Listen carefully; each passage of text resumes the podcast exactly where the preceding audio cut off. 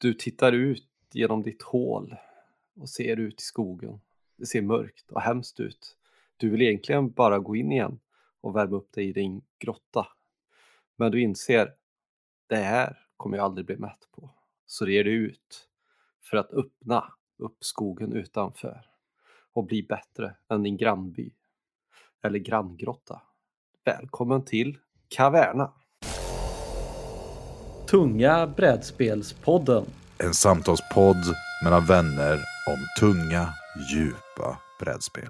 Hej och välkomna till dagens avsnitt. Vi hade ju tänkt att göra en jättelångt avsnitt som vi brukar göra, men det blev två delar istället, så det blir ett avsnitt speciellt för det bästa UV-spelet någonsin. Kommer det vara så för alltid? Det är svårt att säga, men enligt eh, mig och Erik så är det det just nu. Du kan ju inte dra alla spoilers på en gång. Shh, det stämmer inte alls där. Det, det, det, det kommer Det har att vara vi ett redan- avsnitt. Ja, men det har vi redan spoilat ju i förra avsnittet, som du borde ha släppt nu. Eller kanske snart. Just det. Och idag i alla fall, det är jag som är Erik Sundberg, Martin Johansson och vi har med oss vår en gäst som är ny gäst för i poddens historia, men inte ny i vårt sammanhang för han är ju en pelare på Discord-servern. Vem är det jag pratar om? Om inte Björn. Välkommen! Presentera dig själv. Ja, hej. Jag, Fröken Björn heter jag. Eh, jag har ju spelat eh, brädspel eh, på tok för många år. Eh, någonstans har jag sagt att mitt första tunga brädspel var ju Drakborgen eh, och Mm. Talisman där på 80-talet. Och sen där har jag aldrig slutat liksom. Jag har varit inne i rollspelsvängen, figurspel, kortspel. Eh, arrangerat massor med konvent. Och sen hittar man ner på ett, ty, på ett tysk, tysk helg var det ju. Och sen vart det Tungkon och sen Ja, vi har ju en gemensam kompis då, Mattias i Göteborg. Kan man väl Ja, du- säga. Du menar Fabian? Nej just Ja, det, Mattias precis. kallar vi är Mattias vi kallar honom. Heter och kallas till olika saker. Nej, givetvis. Ja, nej precis. Men kan inte du berätta lite Björn vad du har, liksom, för, du som har spelat så länge säger du. Vad har du för favoritspel? Vad är det för någon, hur ser du själv som brädspelare? Vad, um, kan du inte berätta lite om dig själv? Oj, vad jag gillar för typ av spel. Jag gillar ju alla typer av spel. Eh, Jag spelar ju jättegärna tunga euros, eh, gärna något 18xx, men kan ju direkt efter gå över och köra något riktigt Ameritrash. eh, Med slå mycket tärningar och gigantisk slump och upplevelsebaserat, läsa en bok. Jag har just nu, sitter jag och tjejen och kör igenom hela Tainted Grail-kampanjen, den första. Eh, Har ju kommit till kapitel 8 och det är skitkul. Ehm, Men favoritspel någonsin? Jag har ju faktiskt, eh, det brukar pendla mellan fem och sex stycken eh, tior. 10 av 10 på BG. Oh. Eh, och det är ju Gloomhaven, det är Through the Ages, det är Tricerion, eh, det är Brass har varit uppe, Concordia har varit uppe eh, och nu senast är det ju Barrage förstås. Mm. Mm. Det är bra Kan man lista alltså. Ja, jag är nöjd. Eller jag gillar alla de spelen. jag skulle kunna tänka mig att spela dem när som helst. Men framförallt så älskar jag att spela spel. Eh, Det är därför mina betyg på BG blir alltid väldigt, väldigt högt. För om någon frågar vill jag spela så svarar jag alltid ja. Ja, Det är väldigt få spel som jag inte säger omedelbart ja till. För att jag vill ju helst spela spel. Och, och framförallt sällskapet. Och sen spelet är lite sekundärt. Riktigt dåliga spel som tre topp sämsta spel någonsin. Monopol, Risk och Den försvunna diamanten. De tackar jag gärna nej till. Men Mm. eh, annars spelar jag nog det mesta. Vad tror du att du skulle ha när man ser sådana här betyg på spel som är störst eh, skillnad mot till exempel snittet på BGG? Har du någon sådana som sticker ut? Ja, jag skulle nog ha ganska lågt betyg på Terraforming Mars. Det är ju Eh, förvånande. Mm. Ah, ja, det fastnar inte för mig alls. Eh, det är lite för stor tröskel. Eh, alltså, du måste ju kunna i princip alla korten för att göra en bra draft. Utan Ja. draft så är det inte ett bra spel. Eh, och, och då är det för stor tröskel. Jag kan inte spela första gången och ha ens en, en suck. Många spel är svårt att vinna med någon som har spelat flera gånger, men man vill ju Mm. ha en chans. Men Mm. där har man ju inte en suck. Eh, även, vad heter det här nu då? Arkham Horror, the board game. Ja. Kommer ni ihåg det? Man, Ja. man går Mm. till location och så får man dra ett kort ur en liten hög och i grundspelet så är det bara sex kort. Mm. Och så får man lite tips om vad det kan vara. Och så bara, jaha, då drar man ett kort och bara, ja, du tog två skada men du får ett item. Jaha, Ja. var det här det bästa jag kunde få eller var det sämsta? Och så vet man inte. Och när man spelat tio gånger, då köper man expansion och då dubblar man de här högarna och så har man fortfarande inkoll. Det... jag, jag har inget emot slump, men i ett sånt spel, om man ska spela flera gånger, så hade det varit en tabell vid varje location istället, Arkham Horror. Wow, vilket bra spel det kunde ha varit. Mm. Men eh, Håller du med Erik om att det hade kunnat varit ett bra spel i sådana fall? Alltså jag minns ju det som en en av mina sämsta brädspelsupplevelser någonsin. Jag kommer inte ihåg. Det kom något något senare, men det var ju, nej men jag spelade ju med massa sådana jätteentusiastiska, vad ska man säga, jag kallar dem kanske för rollspelare, det var nog elakt. Men sådana personer som tyckte att det var lite stämningsfullt att springa in och där. Och så skulle de läsa upp varenda kort som alla hade i alla detaljer. Så hade de kort överallt på hela bordet. Vi höll på i 6 till 8 timmar. Och det var- hände ingenting och ingen hade koll. Och det var, det var fruktansvärt. Det var nog, ja, det, ja nej. jag tror det mycket handlar också om hur spelet eh, låtsas vara. Arkham Horror verkar vara väldigt seriöst och då vill jag ju inte ha det momentet. Men skulle jag spela Betrayal till exempel. Mm. Där är det också total slump. Det är ju när, man, när The Haunt händer halvvägs in i partiet. Då, är, det- då helt plötsligt vet man allting och vet man hur det funkar det så säga. Vilka behöver inte spela nu. Jag menar, Erik vart ond och han har noll chans att vinna. Eller Erik är ond och han har redan Ja. vunnit. Eh, men det tycker jag är fortfarande roligt att spela. Men då går jag ju in med inställningen och förklarar det för nybörjare så får man säga, ja men vi, vi utforskar ett hus här som om det är en gammal B-skräckfilm från 80-talet. Och halvvägs in i partiet, då förändras spelet. Räkna inte med att det ska vara balanserat eller jämnt. Det är inte därför vi spelar det här spelet. Det ska Nej. vara lite kul. Typiskt eh, vindrickarspel som Erik, eller Beer and Pretzel liksom. Ja, Mm. precis.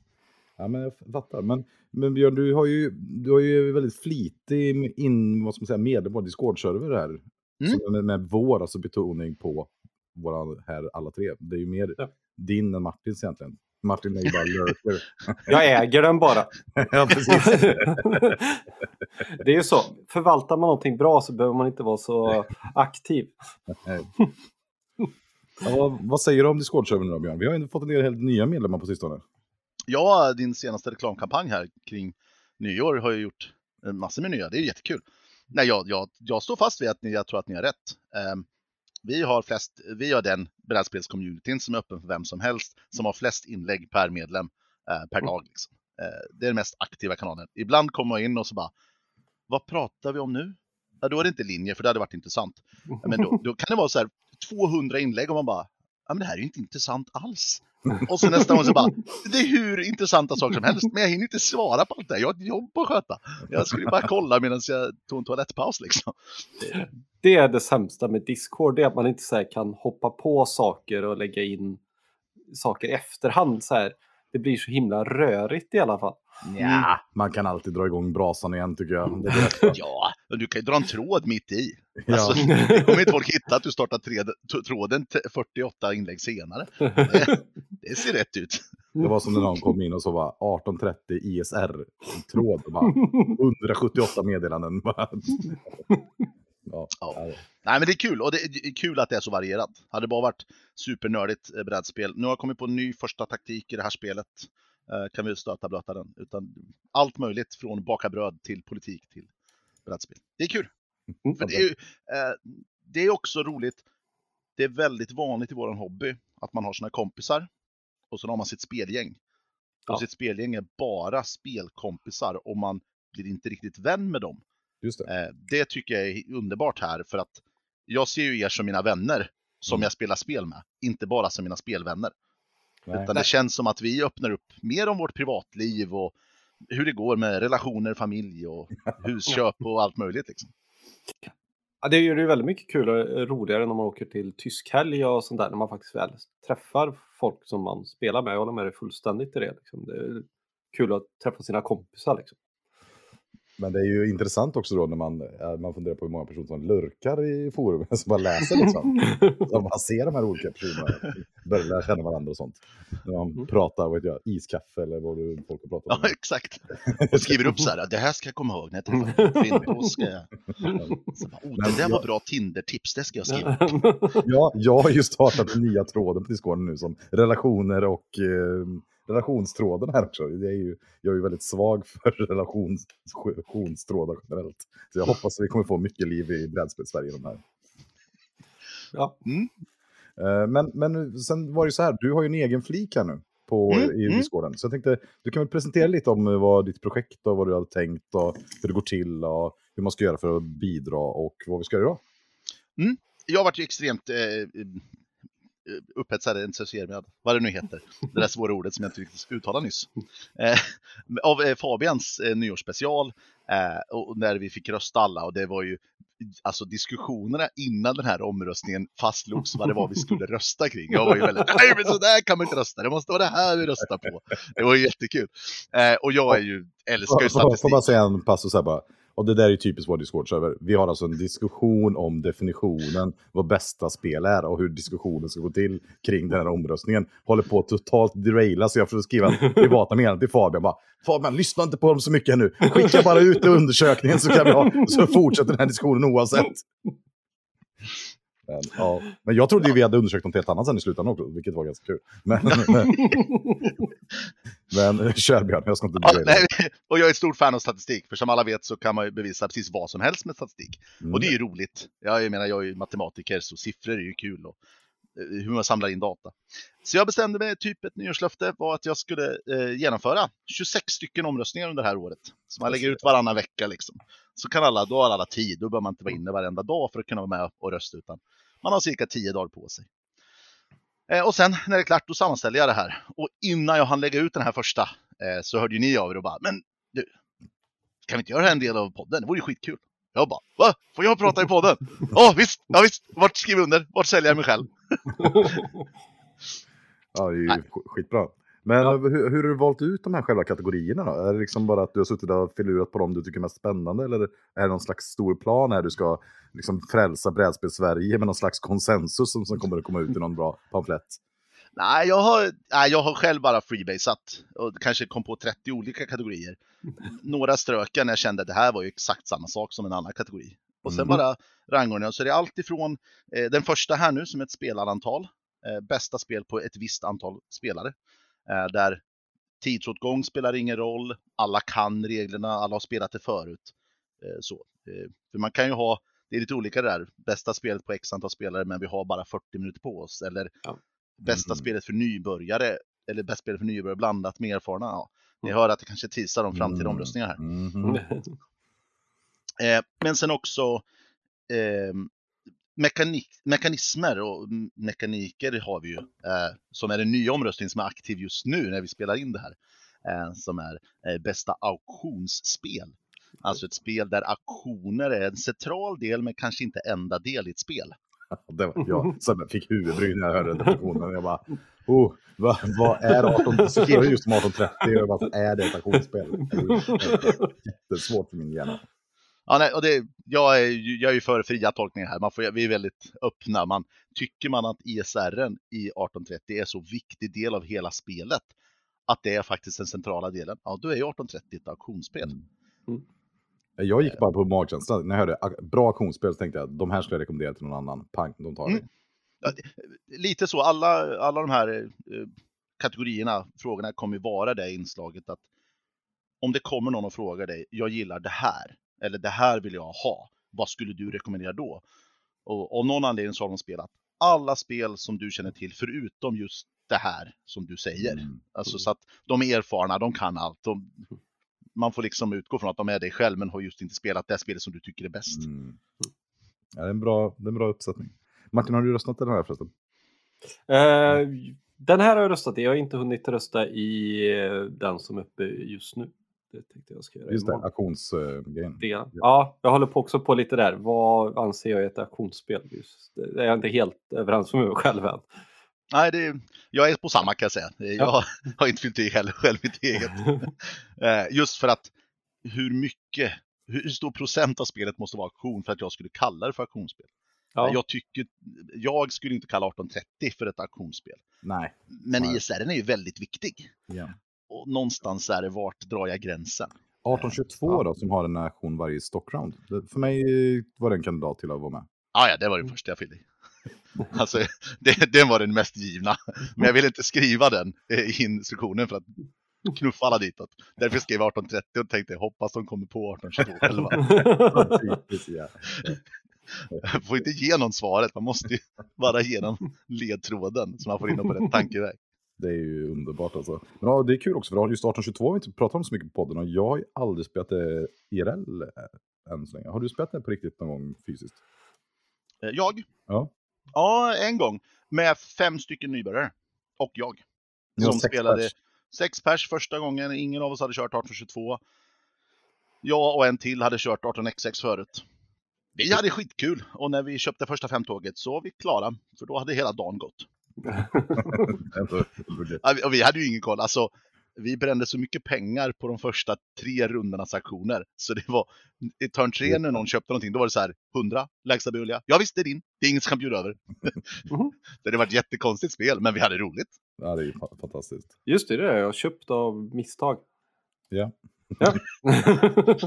Bra köp! ja, det kändes väl helt okej. Ja, Ja, jag hoppas, hoppas få spela det eh, på eh, Quest for the Holy Rail nu här Mm. i slutet på mars. Men, i, men kommer vi, idag kommer vi bara presentera då femspelarlistan då eller? Jajamensan. Ja, jag har inte sagt antalet, jag har bara sagt X hela vägen. Men första var ju faktiskt bästa spel på fem spelare. Det är intressant. Hur vill du presentera det här? Är det liksom gissning här vi i chatten, eh, som jag inte vet hur många det är, och vi? Eller vill du bara dra dem i ordning? Eller vill, hur vill du göra? Ja, men jag, kan, jag tänkte att jag skulle börja med att ta lite statistik Mm. eh, kring vad som har hänt. Eh, och sen just den här gången så har vi en extremt tydlig prispall. Oh. Så plats 1, plats 2, plats 3 eh, har markant fler röster än plats 4. Som då är delad fyra plats. Oh. Och sen framförallt plats 9 är ju... Hur många är det nu då? 16 spel på plats 9. Oj, Eh, ja, de har fått två röster var. ja. Och alla, alla, så är det ju alltid i de här undersökningarna kommer vara. Spel som bara får en röst, de försvinner i, i dimman, nämns inte. Det är Mm. många här skulle vilja ett hedersnämnare, men jag har bestämt mig för att jag ska stå fast vid det. För jag kommer bara välja mina favoriter annars, så det är inte schysst. Ja, Men du, kan du inte dra en bubblare som hedersomnämnare som du tycker verkligen borde varit med här? Ja, men oh, det är så många här. Ja, Okej då, Great Zimbabwe. Wow! Att inte var med. Har jag missat att ta med den? Eller är det bara du som har tagit den? Great Zimbabwe är ju väldigt, det är väldigt bra på fem. Och kaotiskt, men... Mm. Viticulture. Jo. Ja, mm, ja. Ja, det, ja, det, ja, det, det för, det är intressant för att Great Zimbabwe var ju med på topp 20 i totala Mm. listan förra. Så det är intressant. Men det, de, de som hade röstat då tänker jag, antingen kommer de inte ihåg det nu, eller så tänk, tänker de att det är bättre på 3 eller 4 pers. Mm. Eller så är det asbra på två. Men det är Ja. ju också... men, Det är där det glänser liksom. Jag, jag förstår ju inte det konceptet. Eh, Jag spelar ju aldrig spel på två. Det är extremt sällan vi är tre. Vi är ju oftast fyra till sju pers mm. eh, på Mm. våra spelkvällar. Så det här med tvåmannaspel, det är, det är extremt sällan. Men, men spontant, jag tycker nog att Great Zimbabwe är kanske bäst på fyra. Men eh, fem är det ju okej. Men jag, jag tycker vissa spel, när man har fem spelare för mig, det är en sån specifik siffra som inte vi alltid, som är lite sällsynt Mm. man är. Och då tycker jag det finns några spel som är fantastiska på fem, som Mm. inte är lika bra på fyra. Och det är de spelen för mig som jag försöker passa på att spela då, eh, just på fem spelare. Mm. Mm. Så Ja, de ja, spelen kommer med. jag håller helt med. Men ska vi köra igång? Ja, Ja. Eh, Det är 18 personer som varit med och röstat. Det är ändå kul tycker jag. Eh, totalt så är det 120 spel, unika spel som har nämnts. Mm. Eh, nej, förlåt, 120 spel har de här 18 röstat på tillsammans ska jag säga. Eh, Mm. så att, för det var inget tak, man fick rösta på ett spel eller tio. Det var, bara man själv tyckte att alla var lika bra. hur många björn tog du med? Ja, jag var näst värst. Jag har inte ens kvar den statistiken. Jag måste, den, den, den, då måste jag in på Google och hitta. Ja, det borde du inte göra. Men Nej. du hade plus 10 eller? Ja, ja, ja, ja. lätt. Här, är- alltså, jag var nere på SN senast.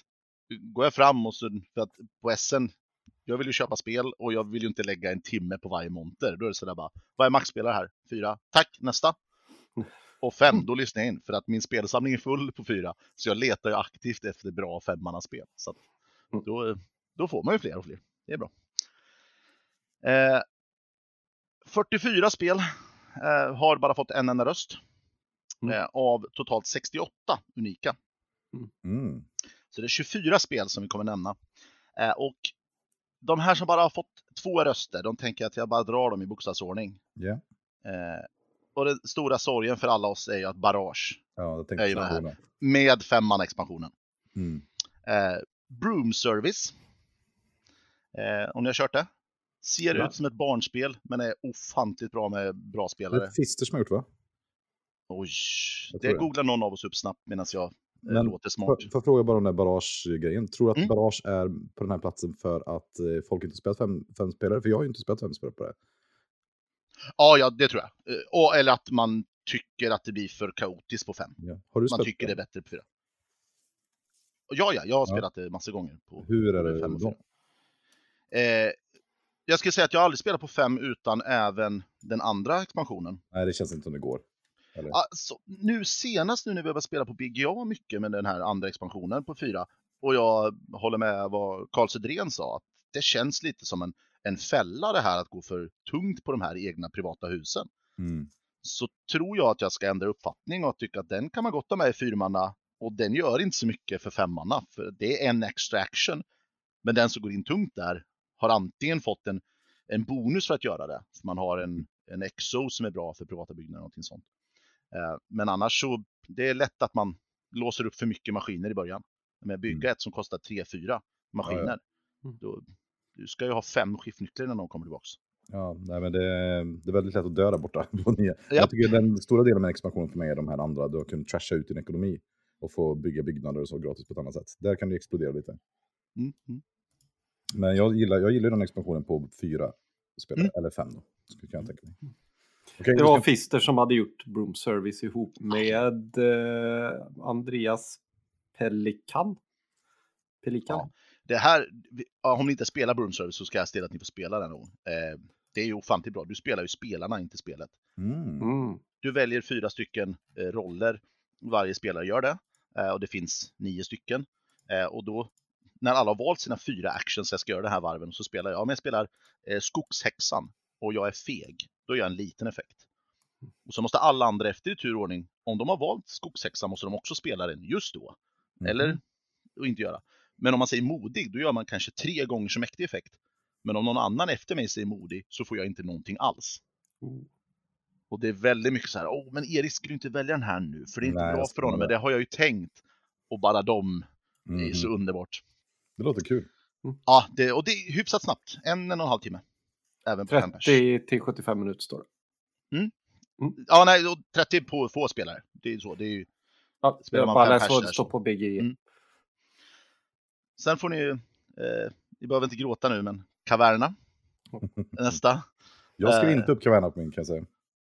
Nej, det, nej, jag tror att jag hade. Jag tycker det är bra på fem. Jag, gill- Mm. jag gillar inte Caverna på få. Det, det är ju bara för de som har för lite tid.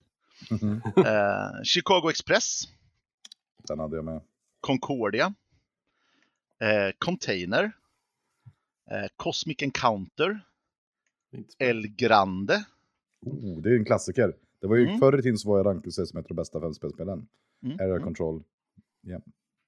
Eh, Flamrouge med expansionen som kan vara upp till sex spelare. Eh, John Company Second Edition.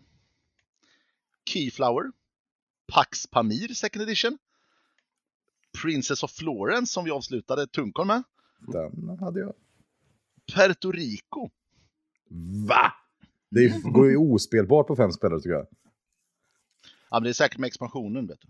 Ja, det har just, de inte skrivit bara. Men... Nej, men det, det är så... Det går, alltså det, hela spelet är ju att man kontrollerar den som efter den. Och där är så många mekanikerna bygger på att det ofta är, om jag aktiverar någon sak så kommer en person bli utan. Det finns liksom fyra platser att sälja på till exempel i spelet. Mm. Och så brukar man försöka kontrollera det. På fem då, så, så, så kommer, du, då kommer du bli utan. Så kan man att den spelaren efter mig producerar, spelaren efter, spelaren efter det, om jag producerar då kommer nästa spelare kunna säl, sälja och då får då jag som producerar inte ens sälja mina varor. Men då har du ju kvar dem till nästa gång och kan sälja utan att någon annan har någon vara. Ja, jo, det är inte riktigt så det brukar gå till. Men man tappar, man tappar all kontroll på fem spelare tycker jag. Det är, Ja, nej, men det är, ja, nej det, jag ska inte försvara vad andra har röstat. Det, det kan jag inte. Eh, Santiago och Sword of Rome. det, Sword Yes. of Rome, vad är det för något? Ja, det, ingen aning. Jag har aldrig hört talas om det förut. Eh, Var det två personer som röstat på det här? Det är Ja. intressant. Okej, och det här var alla de... Eh, det var alla de som fick två röster var. Ja, men du, det här är, är ju då ett GMT-spel. Mm. Card-driven Mm. Wargame, Mark Herman. Det är han som har gjort uh, Versailles. Vad för mig? Nej, eller? Stämmer inte alls. Ja, intressant. Det här, eh, vi har ju lite folk nu med som är lite GMT-spelare på podden. Det är Mm. väldigt roligt tycker jag. Eh, plats åtta. Enda spelet som fick tre stycken röster. In the year of the dragon. Oh, kul. Mm. Ja, det, det har vi ju ett aktivt parti nu på, på BGA från, eh, från Discorden, så det är kul. Ja, det är ett fruktansvärt bra spel. Det blir bara bättre på fler tycker jag, för det blir ännu mer ångest. Ja, men att, vad heter han nu, tysken, eller som har gjort det, eh, som gör alla vanliga snälla spel man tänker från början? Som Castles of Burgundy och... eh, Fält, Stefan Fält. Alltså det, alltså det att han gjorde så fruktansvärt krispiga, hårda spel förvånar mig. Men nu har jag spelat Strasbourg i efterhand också. Och jag tror Strasbourg kommer vara på den listan. Men, eh, men att det, det här spelet är ju brutalt in the year Dragon. Mm. Jag kan säga, nu, nu har ju inte jag någon kamera på, så att annars hade ni sett mina ögonbryn gå upp häftigt när du sa Ja. Du Strasbourg har tror jag är med på även listan. fått kritik att du inte har någon kamera på här från chatten. Ja, men jag... Mm. Jag kan leta fram den till nästa gång. Ja, precis. Det var det vi höra. Och då, får, då kommer det vara så här snyggt, stå på skrivbordet underifrån perspektivet så man blir så här extremt sexig.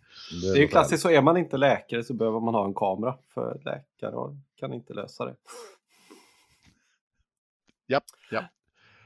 Ja, då är det bara sju stycken spel kvar, varav fyra stycken är på delad fjärde plats. Och sen ett markant hopp upp till trean och, och sen tvåan. Vad, eh, Strasbourg har ju redan kommit en gissning på, den, eh, den finns med kan vi säga. Har Strasbourg finns med. Kul. Mm. Ehm, jag tror, jag tror att Terra Mystica är med. Indonesia Jajamensan. tror jag med. Jajamensan. Oh, många av mina spel har redan blivit dragna. Alltså, jag hade Chicago Express. Jag tycker att någon Cubase, men det är så svårt att veta. Jag tror att eh, typ eh, South Pacific eller vad fan heter det? South Africa. Oh. Southern, Southern Africa. eller någonting. Ja, ja, nej, eh, nej, Nej. Jag tror vara- inte ett enda Q-braid här. Det är ett jag är osäker på, men jag tror nej. Men- Powergrid får vi rätt mycket från chatten. Chatten har rätt. Ja. Får, är det, är, oj, nu såg jag nu såg jag också att min chatt inte hade uppdaterat, vad tråkigt. Eh, nu ser jag det. Men vad tror ni om, är det här även, inte topp tre, man gissar inte på topp tre eller? Nej, nu är topp sju, eller ja, topp fyra då, för att det är fyra Ja. spel på fjärde plats. För jag frågar, det är svårt att veta med 1830, jag tror att det är högre upp nämligen. Mm. Så, jag, tror att, nej, så jag, jag gissar inte på 1830 nu, men jag tror att det är på pallen. nej, nej, nu, nu har jag bara sagt ja om de är på någon av de här. Okej, spelen. ja, jag tror att 1830 är med. Mm. Mm. Jag tror att, är det något annat 1836-spel som är med? Skulle det kunna vara, Vad heter det vi spelar nu då? 62? Ja, på fem. Det är många som gillar det, men jag, tror, jag vet ju garanterat, jag tror att vi är poddens bästa spel på, det är antingen 1830 eller så är det Hans Tonica. Hans Tonica är så dunder mycket med på topp tre så jag skulle kunna sätta mina kalsonger upp men de är inte så mycket värda. Men, Jag, jag betalar inte ens panten, tack. men helt övertygad att Hans Tonica är med alltså. Mm. Ja, men vi kan ta eh, de fyra spelen då som är, har fått fyra röster var. Eh, Modern Art, Oh, Ja. Det hade det var ingen av er som sa. Powergrid, Strasbourg och Terra Mystica. Ja. Det jag- känns givna, jag tycker alla de här borde haft fler röster allihopa. Ja. Men jag tror att mycket är man inte, man tänker inte samma banor och man orkar inte sitta i tre timmar och uppdatera det här. Eh, jag fick ju frågan om, om man kom på några till i efterhand, kunde man sk- skicka in dem också? Jag bara jajamensan, in med dem bara. Jag kommer sammanfoga det. Du sa man- Powergrid, 1830, Nej, Modern Art, Modern Art, Powergrid, Strasbourg, Terra Mystica. Terra Mystica. Jag gillar alla de här, men gillar ni Terra Mystica på fem? ja, jag tycker det är lite mer party. Jag skulle ju aldrig köra Terra Mystica på fem utan båtexpansionen. Som jag tror att många inte gillar. Ja, för jag har ju spelat Pottingsmode en eller två gånger. Den, precis vad du säger, den känns lite festlig och typiskt bra till fem spelare. Ja. Jag, jag tycker Terra Mystica, till skillnad mot Guy Project, blir du inlåst där, så kan det inte spela roll vad du gör. Även om du Nej. bränner alla dina resurser så kan du ändå vara fast och inte kunna Ja. få vara med Ja, och spela. med. Det är Ja. klart, det, du borde ha gjort något annat i setup, du borde ha valt ut dina starthus, du borde ha rushat till en position. Men om man inte ser det, så, ser det, då kan det vara så här, är du ute, du får inte ens göra någonting i två timmar till tills spelet är klart. Ja. Men i båtexpansionen så kan alla bara köpa en båt, segla iväg, bränna alla sina actions på det och där starta nytt.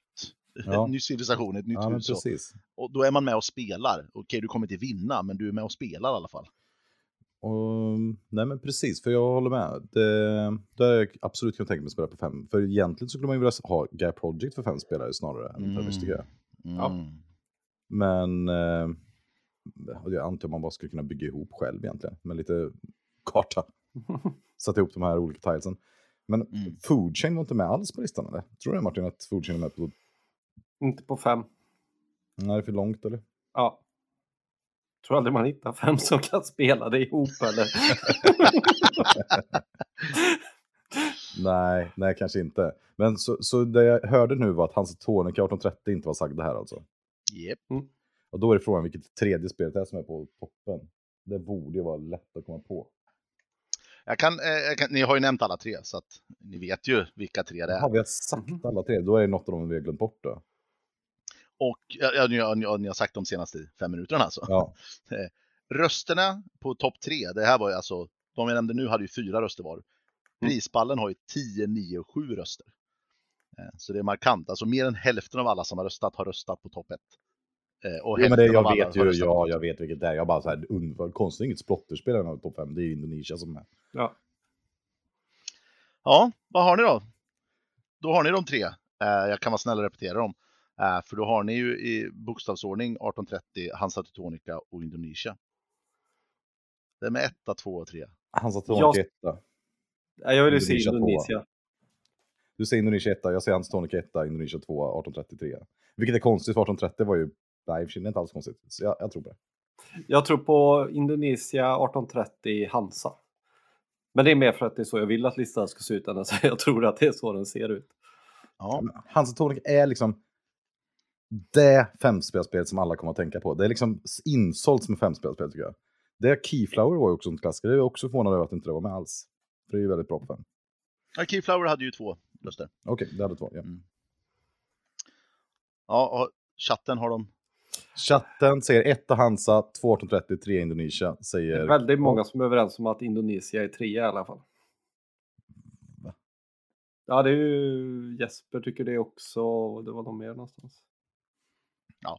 Men då, då kan vi ju säga då, det är Martin som är flest poäng här. Oh, Eh, både Erik och chatten har ju fel. Mm. För House of Teutonica är ju trea yes. och Wow. Indonesia tvåa 1830 är Ja. det bästa femmanna-spelet.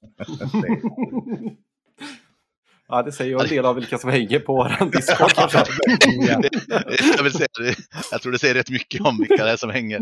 Det är ändå skönt att höra Erik bli besviken över att 1830 är vinnaren. Som eh, var då mitt all time etta på min topp 20-lista. Du bara, nej, inte det här spelet, det tycker jag inte om. Ja, Nej. det var hela listan. Ja, kul. Vad säger du själv då Björn? Vad hade, om du hade en topp tre på fem spelare, vad hade du haft då? Och ja, men 1830 hade jag också med. Eh, Men oh, det är svårt att ha topp tre. Det är, det är så mycket mer som skulle spela roll där. Eh, Min förvånad, som jag glömde bort att säga förut också, eh, The Crew. Men den Ja. nya The Crew är lika bra på 3, 4 och 5. Ja, det, Den, eh, det var ju bara jag som hade röstat på. Eh, Mm. eh, Om jag... Jo men det måste, det var nog bara jag.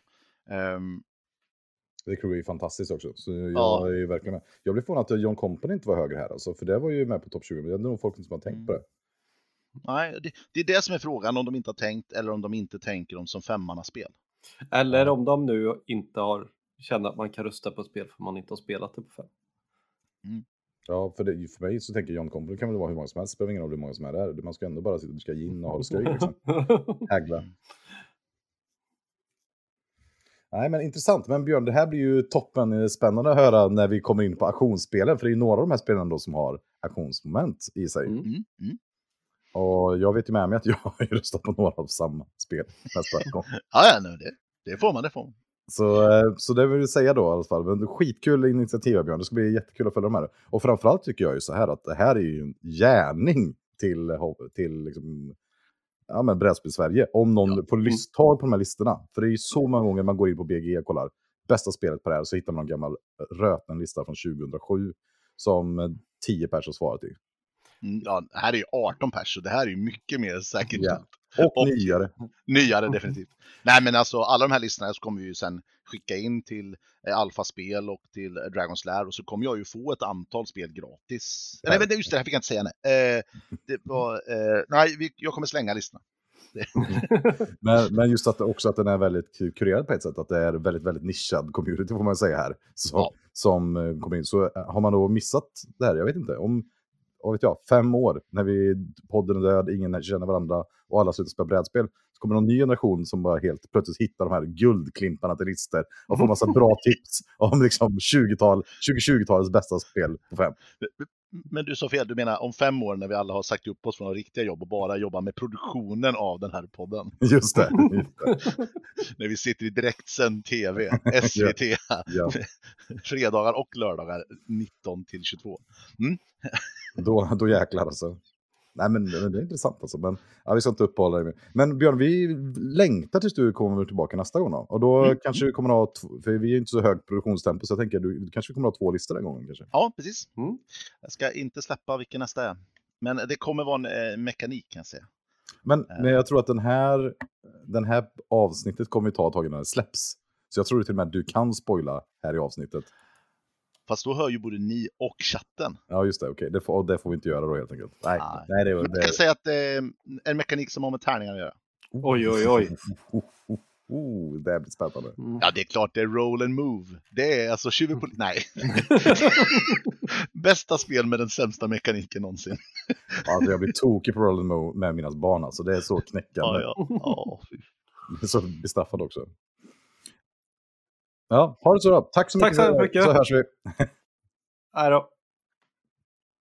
Ja då Erik, vad har du spelat sen sist? Det brukar ju vara vårt nästa segment. Och Ja, men vi sa ju att vi skulle hoppa över idag, men jag kan tänka ut om jag har spelat någonting sen sist. Vi spelar ju ganska mycket Barrage asynkront nu med Mm. Björn.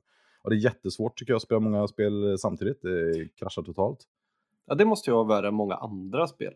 Ja, men det är då också för att jag är dålig på det och att man spelar eh, typ samma land flera partier samtidigt. Mm. Vilket gör att eh, nej, men det är ganska svårt att få överblick vad de andra gör. Jag tappar helt där, det märker jag, det behövs i det spelet. Ja. Ehm, Martin, vi ser bara en keps nu. Nu ska jag fixa, jag fixar det. Där, ska- det, är jag, det är jag som fixar det. Ja, det är du som fixar.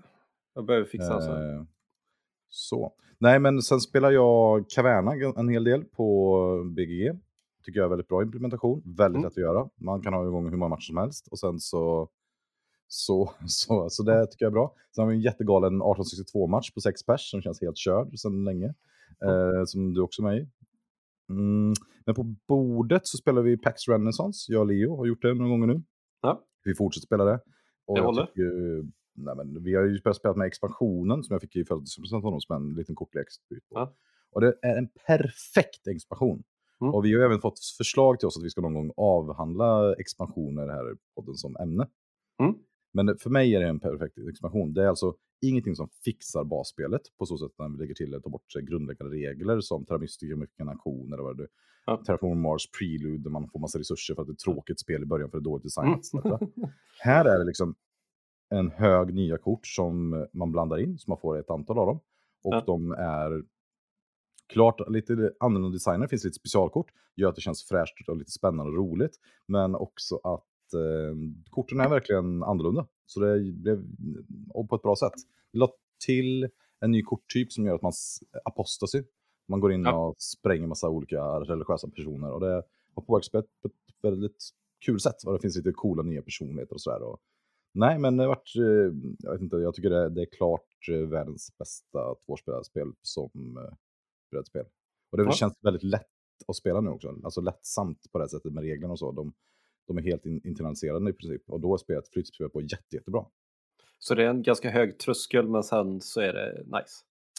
Ja, jo, men tröskeln, tröskeln är ganska, den är ganska hög. Men, men alltså jag kommer till den nivån så att jag känner att jag till och med, alltså när jag och Leo, när Leo drog fram ett sådär apostelskort, då är det en symbol. Så är det så här, Mm. protestanttecken, år, eh, katoliktecken, och det betyder att ja, en av de här ska sprängas då. Ja. Eh, alla de korten. Fast det gör det inte. För det är ju nämligen, eh, står ju fel på kortet, det är- betyder and, inte. Mhm. Ja, Okej, viss skillnad. ja, man bara så här, precis vad jag hade förväntat mig av det här Pax Anderson-spelet. Men eh, jag älskar även det. Men Du skulle aldrig köpa några nya kort där är fixat. Ja, det är perfekt alltså. Ja. Det är, ehm, jag vet att Håkan Hellström hade en låt som jag var väldigt förbannad på länge. Där han beskrev sin någon som den fulaste flickan i världen som han typ är förtjust i. Ja. Och jag brände ut en skiva, för jag hade köpt den skivan. Sen så var jag tvungen att ladda ner den och ta bort det spåret och sen bränna min egen eh, skiva med de låtarna på. Det är ju att så jag- du alltså. Ja, men jag Så var så provocerad. Jag var så provocerad. Jag tyckte bara så här, man kan ju inte anse att den personen man är kär i är fulast i världen. Alltså det, då är man ju inte det. Då är det, då är det ju helt fel. Och så känner jag Pax Anderson. Jag kan inte Ja. tycka, det, är ju, det är ju underbart, vackert spel. Um, man, kan man se, det- om man har sett ur någon annans perspektiv kanske man hade tyckt att det var lite jobbigt att or betydde and. Men jag känner det är bara bidrar till magin i spelet. Ja. Eh, men, ja, jag får kommentarer. House rules, en skiva. Ja, jo, vi, vi, vi, vi, vi, gör sånt. Men själv då, har du spelat något? Jag har ju spelat väldigt lite. Eh, Vi har ju spelat det spelet vi har spelat ihop som vi inte ska prata om. För det ska Jo. bli... Men Ja. det kan vi prata lite om det. Ja, Tricerion har vi spelat igen då. Ja, det Heter det inte, heter det inte Tricerion? det gör det nog faktiskt. Helt underbart fortfarande alltså. Oj, ja, vad tyckte du om det omgång två nu då? För nu spelar vi ju inte med i den här expansionen som lägger till massa extra rum och en extra arbetare. Och just att vi spelar andra gången. För första gången var ju rätt maxad. Ja, det var den verkligen. Eh, nej, men jag gillar det skarpt alltså, men jag tror det är så här spel som kommer glänsa nästa gång. När man liksom inte behöver fundera på regler och lite mer kan sitta med sitt lilla blädderblock och lista ut vilken spel det är man ska ha om slutet av spelet och hur hamnar jag där och så. Jag känner att Ja. jag börjar få koll på vissa delar men jag får inte hela pusslet att gå ihop och det tycker jag är ganska kul den mekaniken av så här, ja just det, sist gång glömde jag göra det här, det såg jag att du och mm, Henrik gjorde. Ja. Ja, så här, ni höll på att byta pusselbitar där nere så, jag kan, så man kan lära sig nya trick och så bara, det glömde jag fullständigt bort för där var inte jag alls fokuserad. Och så kände jag att jag blev jättestraffad för det. Det, så här, det måste jag komma ihåg till nästa gång, för det är ganska många olika delar ändå. Ja. Men jag tyckte du hade oväntat bra flyt spelet ändå fortfarande. Jag blev Ja, chockad. verkligen. Och hur snabbt det går att komma in i det. För jag kände så här, jag hade ingen fundering på hur reglerna funkar efter första halvtimmen. Nej. Och setupen är ju helt skruvad däremot fortfarande. Hur mycket val som helst i början som man så här, Ja. Men alltså när vi väl är igång, alltså, jag sitter bara och tänker på hur ska jag få ihop det här? Vad ska ni göra? Vad ska jag ställa mig först? Åh, vad jobbigt nu. Nu kommer jag hamna inte först. Men jag fick väldigt lätt spelgång om man får säga så. Jag tror att det kommer vara många matcher innan det blir så bra för mig igen. Ja, du, För du, jag, jag, du lyckades ju med alla de här goda grejerna precis lite. Du behövde inte kriga om dem. Liksom. Nej, men hamnade helt rätt vilka saker jag skulle ta. Mm. Eh, fick mitt trick före alla andra, drog, bombade upp i vinstpoäng, vilket gjorde att jag alltid gick ut sist. Så Ja. då var det mycket lättare för mig att planera, för då var det så här, ja, jag kommer inte få ta någonting vad jag vill ha, men jag ligger ändå så pass bra till, för ni ligger en tur efter, så jag kan börja bomba ut mina tricks när ni ska fixa dem istället. Och, Ja. Nej, det var um, en väldigt, väldigt intressant och bra spel. Och Mm. gud alltså. Men när vi spelade på tre och en halv timme, det var, tyckte jag var chockerande. Med, ja, precis. Och alla kunde reglerna ish när vi satte oss vid bordet. Ja. Det kommer ju skava av en halvtimme, timma nästa gång vi spelar. Ja, om inte då folk börjar planera mer och bättre. Jo, jo, men i alla fall, ja, det är väl sant. Men jag tror en stor skillnad var med den här extra arbetaren som vi inte spelar med, med expansionen. Ja, herregud ja. Vad jobbigt det var. För jag hann inte alls göra lika många saker. Du skaffade ju en till arbetare Ja. mycket fortare än vad jag gjorde. Och det måste man nog göra alltså. Ja, verkligen. Men det tog ju också bort mycket av tiden på spelet tror jag. För har alla en Mm. extra arbetare förstår man ju, det blir ju extremt mycket. Ja. Vad hade vi? Typ fyra extra gubbar innan det var färdigt. Jag tror Ja. Filip hade väl köpt alla han kunde. Ja. Nej. Han hade inga kort kvar att spela, han spelade alla varje gång tror jag. Ja, spännande. Eh, jag har spelat någonting på fasen heter det Etukat. Vänta, Björn säger här. Jag har byggt upp en optimeringsalgoritm för att kunna optimera tryck på diverse olika sätt. Och det är extremt imponerande hur tajt optimerat spelet är. Ja, men. Och, och Björn, du får inte prata om eh, Tricerion, för det har vi sagt att du och Mattias ska komma och prata om eh, Tricerion på podden om x antal år avsnitt. Ja. Så, men, eh, men så verkar man ju sitta i den här boken och tittar bara, okej, men nu har jag de här resurserna, jag vill ha de här. Och Mm. så tycker man, men allt, allt känns svårt att skaffa, ungefär lika svårt. Det känns som att man helt plötsligt börjar sätta sig och skriva flowcharts liksom. Ja, ja. ja. Det, jag, jag kan gissa att en vattendelare om det är ett bra eller dålig sak att spela Mm. Japp. brädspel. För mig hamnar det i kategorin bra, lite som när man börjar spela, eh, vad heter det, um, Food Chain. Mm. Så, Om jag kör den här stratten då behöver jag köpa de här och så kan jag ha så här många av de här, ska jag köra den här. Lite så här pusslet i huvudet när Ja, man sitter kul. på bussen. Jag Ja. gillar det. håller med, för det påminner verkligen, den delen är ju väldigt få spel som har, alltså någon slags, verkligen sån strategi inköpslista. Ja. Båda de spelen har ju det. Mm. Är väldigt bra spelmekanik, tycker jag. Ja. Mm. Mm, Speciellt när, som i det här att någon helt plötsligt då kan hoppa rätt in i din flowchart. Vad tog det tricket? uh, what the fuck, vad gör jag nu liksom? helt Mm. chockerande verkligen. Ja. Eh, men jag spelar något kortspel också. Jag kommer aldrig ihåg vad spel heter. Men heter det, eh, jag har försökt googla på det. Ätterkatt eller någonting med barnen i alla fall. Det verkar vara nytt tror jag. De fick det i julklapp. Verkar vara något så här som säljs. Var det bra? Ehm, kanske inte första gången när jag lät mina barn få lära sig reglerna och de skulle förklara det för mig. Det, det var en spelupplevelse. Men är kul att ha fått uppleva den. Men Eh, har du ett spel som du tycker är bra att spela med barnen då? Ja, jag gillar ju Planet med dem och det här tror jag kommer vara bra typ nästa gång vi spelar det ihop. När jag har läst lite mer regler Du får också. komma tillbaka när du vet vad det heter helt enkelt och prata om Ja, det. precis. Ja, Det men det var kul i alla fall. Man kunde göra massa olika saker. Det Det fanns bra. intressanta speldelar i det. Ja. Men vi är ju här egentligen för att vi hade ju som sagt, du har ju redan pratat om det här, vi hade ju eh, US-special som inte släppt Ja. än, men när ni lyssnar på det här så har vi det har kommit och ni har lyssnat på det. Mm. Och sen så hade vi mellan det speci- nyårsspecial som liksom blev intryckt. Man Mm. får skylla på oss om det blir rörigt, men det är bara för att vi har haft sånt vansinnigt produktionstempo. Och, eh, och sen så då upptäckte vi den chockerande nyheten att eh, våran tanke om att Uwe Rosenberg är ju en av de bästa brädspelsdesignare inte delades av någon. ja, helt. Jag fattar inte. Nej, så topp 20 innehöll inget Uwe Rosenberg-spel och jag tror typ inte ens det var topp 30. Nej, det var skamligt alltså. Ja, och då inser vi att Uwe inte bara är liksom en fantastisk brädspelsdesigner, han är också missförstådd. Ja, som alla bra brädspelsdesigners är. Ja. Och så det här är då vår tanke att vi ska göra, skipa lite rättvisa här. Vi ska prata om varför Caverna är ett fantastiskt spel, varför folk borde spela det, varför det är helt missförstått. Och vi ska även på lite allmän förfrågan av typ Mm. några personer som har, som har velat höra mer strategin i våra spel. Och det här är ett av de spelen faktiskt vi kan prata lite strategi, för vi har spelat det väldigt många gånger. Ja, Och skulle vi säga att vi är på någon superelitnivå i världen? Nej, det kan vi inte säga. Men vi vet, eh, en man kan, det finns mycket saker som man kan diskutera och prata om i det här spelet som ändå Ja. hjälper en markant för att bli bättre i det här spelet. Ja, Men jag tänker som så här, vi går väl över till Caverna. Martin, berätta för mig. Vad är Caverna för spel? När kom det? Vem är det som har gjort det? Och vad fasen håller man på med i spelet och gör? Ja, det är ju den eviga frågan. Jag ska bara ta upp. eh, Jag var förberedd, sen försvann fliken. Här är jag. Ja, det är Uwe Rosenberg som har gjort spelet och det är ju släppt år... Någon gång. Känns som att jag gör ett jävla bra jobb här alltså.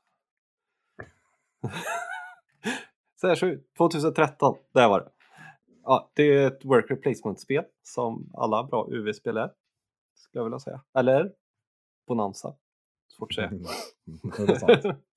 Ehm, ja, det är Lookout Game som var släppt och lite sånt där. Det har en weight av 3,78 på BGA, vad det nu säger. Tycker det är väldigt luddig titel. Kul referenspunkt här är då att Trikerion har 4,58 har jag för mig. Eller om det var 4,78. Ja, Du har fått pluspoäng från punkigheten i chatten också. Ja, det är gött. Ja. Man får ju leva på det. Jag hade koll på det. här. Det är så jobbigt. Ehm, ja, men det är ju ett work placement-spel i alla fall. Jag tänkte, ja, eh, som byggs på efter varje runda så öppnar man mer kort så man får mer olika handlingar. Och när du säger kort så är det, vad är det för kort? Ja, man kan säga att det öppnas upp en ny ruta då. Det. De är bara blandade som kort för att de ska bli randomiserade. Just det. Och det ska vi också prata lite om sen, varför det är bra eller dåligt. Tänker jag. Vi går, sen går vi över på Vänersborgs husregler i spelet. Det får bli ett eget segment. Ja, det är det eget segment. ja. Ehm, ja, men du börjar med två gubbar och så kan det bli upp till... Man kan få fem, men en, en spelare kan få en sjätte om du inte spelar med expansioner, för då tror jag det är två som kan få det. Yep. uh, det är lite olika delar. Du behöver skaffa resurser för att kunna bygga. Det finns ju en, just, det finns en lantdel, eller vad man ska säga, skogsdelen. Och så finns det ju bergsdelen för du är ju dvärgar eller i expansionen massa andra saker. Men så du bygger ut en gruva eller du bygger ut utanför. Det känns lite som att man har byggt på um... Agricola. Agricola, ja. Lite så, man behövde en till del. Men i gruvdelen bygger du antingen gruvor eller hus och sådana här delar. Och det behöver man ju sten och kol och träpinnar till eller nej, safirer va? De är röda. Rubiner. Ja, rubiner, tack. Och där ute så plöjer du åkerfält och har ängar till dina djur och dina pumper och sådär. Får man fråga en sak om eh, liksom settingen här? Mm. Känner du mycket som en dvärg när du spelar det här spelet? Nej. det är, det, alltså jag tycker det är pinsamt den här settingen. Varför har man valt den här? Nej, jag vet inte. Det är väl lite som att jag inte känner mig som en bonde när jag spelar Agricola. Nej, men kanske lite mer. Kanske ja, det, det, det är steget bättre i alla fall. Ja, det håller jag fullständigt med om. Men, um, det är lite lövtunt där får man säga på, på settingpoängen ändå. Ja, jag tänker bara, det är väl någon som läste lite fantasy och tänkte det kan jag nog dra in folk i. Som, folk som gillar fantasy gillar nog brädspel. Läs något av statistik från någon sån här publisher. det tänker jag är läsningen liksom. det. Men, men, men, men det som är, om du skulle snabbt liksom säga lite för, om din eh, hur det här skiljer sig. För vi hade ju spelat Agricola. Jag minns mm. ju nu mycket väl när du och din fru kom hem till mig och ja. mitt ex. Och vi spelade Agricola och började känna mm. varandra. Som någon slags eh, som test, test. för att se vad man klarar av. När man dyker upp och säger att man kan, vill gilla spel så får ja. man spela ett riktigt spel.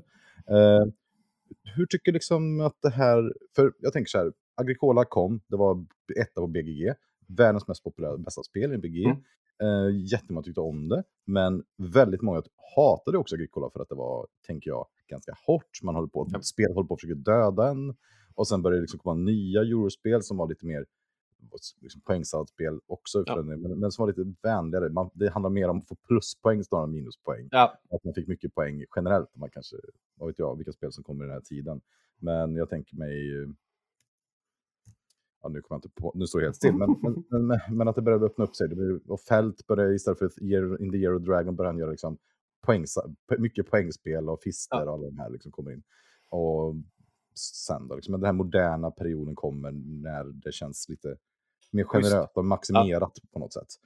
Då kommer landa Caverna och är någon slags nytolkning får man nästan säga av Agricola. För det... Ja, det tycker jag. Lite så här kanske elakt säga 2.0, men det är lite så jag har sett spelet i alla fall. Just det. Och, och jag tänker så här, som det är som en klassisk uppföljare egentligen om ja. man tänker filmindustrin. Det här borde ju, tycker jag, hetat som de gjorde med, eh, vad heter det nu, eh, Marco Polo som Luci, Luciani eh, mm. släppte. Och det heter Marco Polo 2 typ. Ja. Det här ja. hade kunnat vara Agricola 2. Ja, det hade ju bara varit i en by istället så hade det ju varit löst istället för att du bodde i grottor liksom. Ja. Hade varit mycket mer logiskt också. Och ska vi ta upp några av de stora skillnaderna på mot Agricola? För jag menar, Agricola tillhör ju på något sätt brädspelskanon. Mm. Och om, vi kanske inte ska ta kanondiskussion här på podden. men, men, men, kan du ta upp några saker som är skillnaden i det här mot uh, Agricola som du kan komma på? Ja, men det är väl att det framförallt det största som man ser direkt då, det är att det finns en utedel och en i berget-del om man säger så. Och det. det. betyder att det finns fyra rutor för det här istället för två. Just det. För, eller det blir kanske ännu mer, men det är så här, ja. du kan göra olika saker i berget och du kan göra olika saker ute.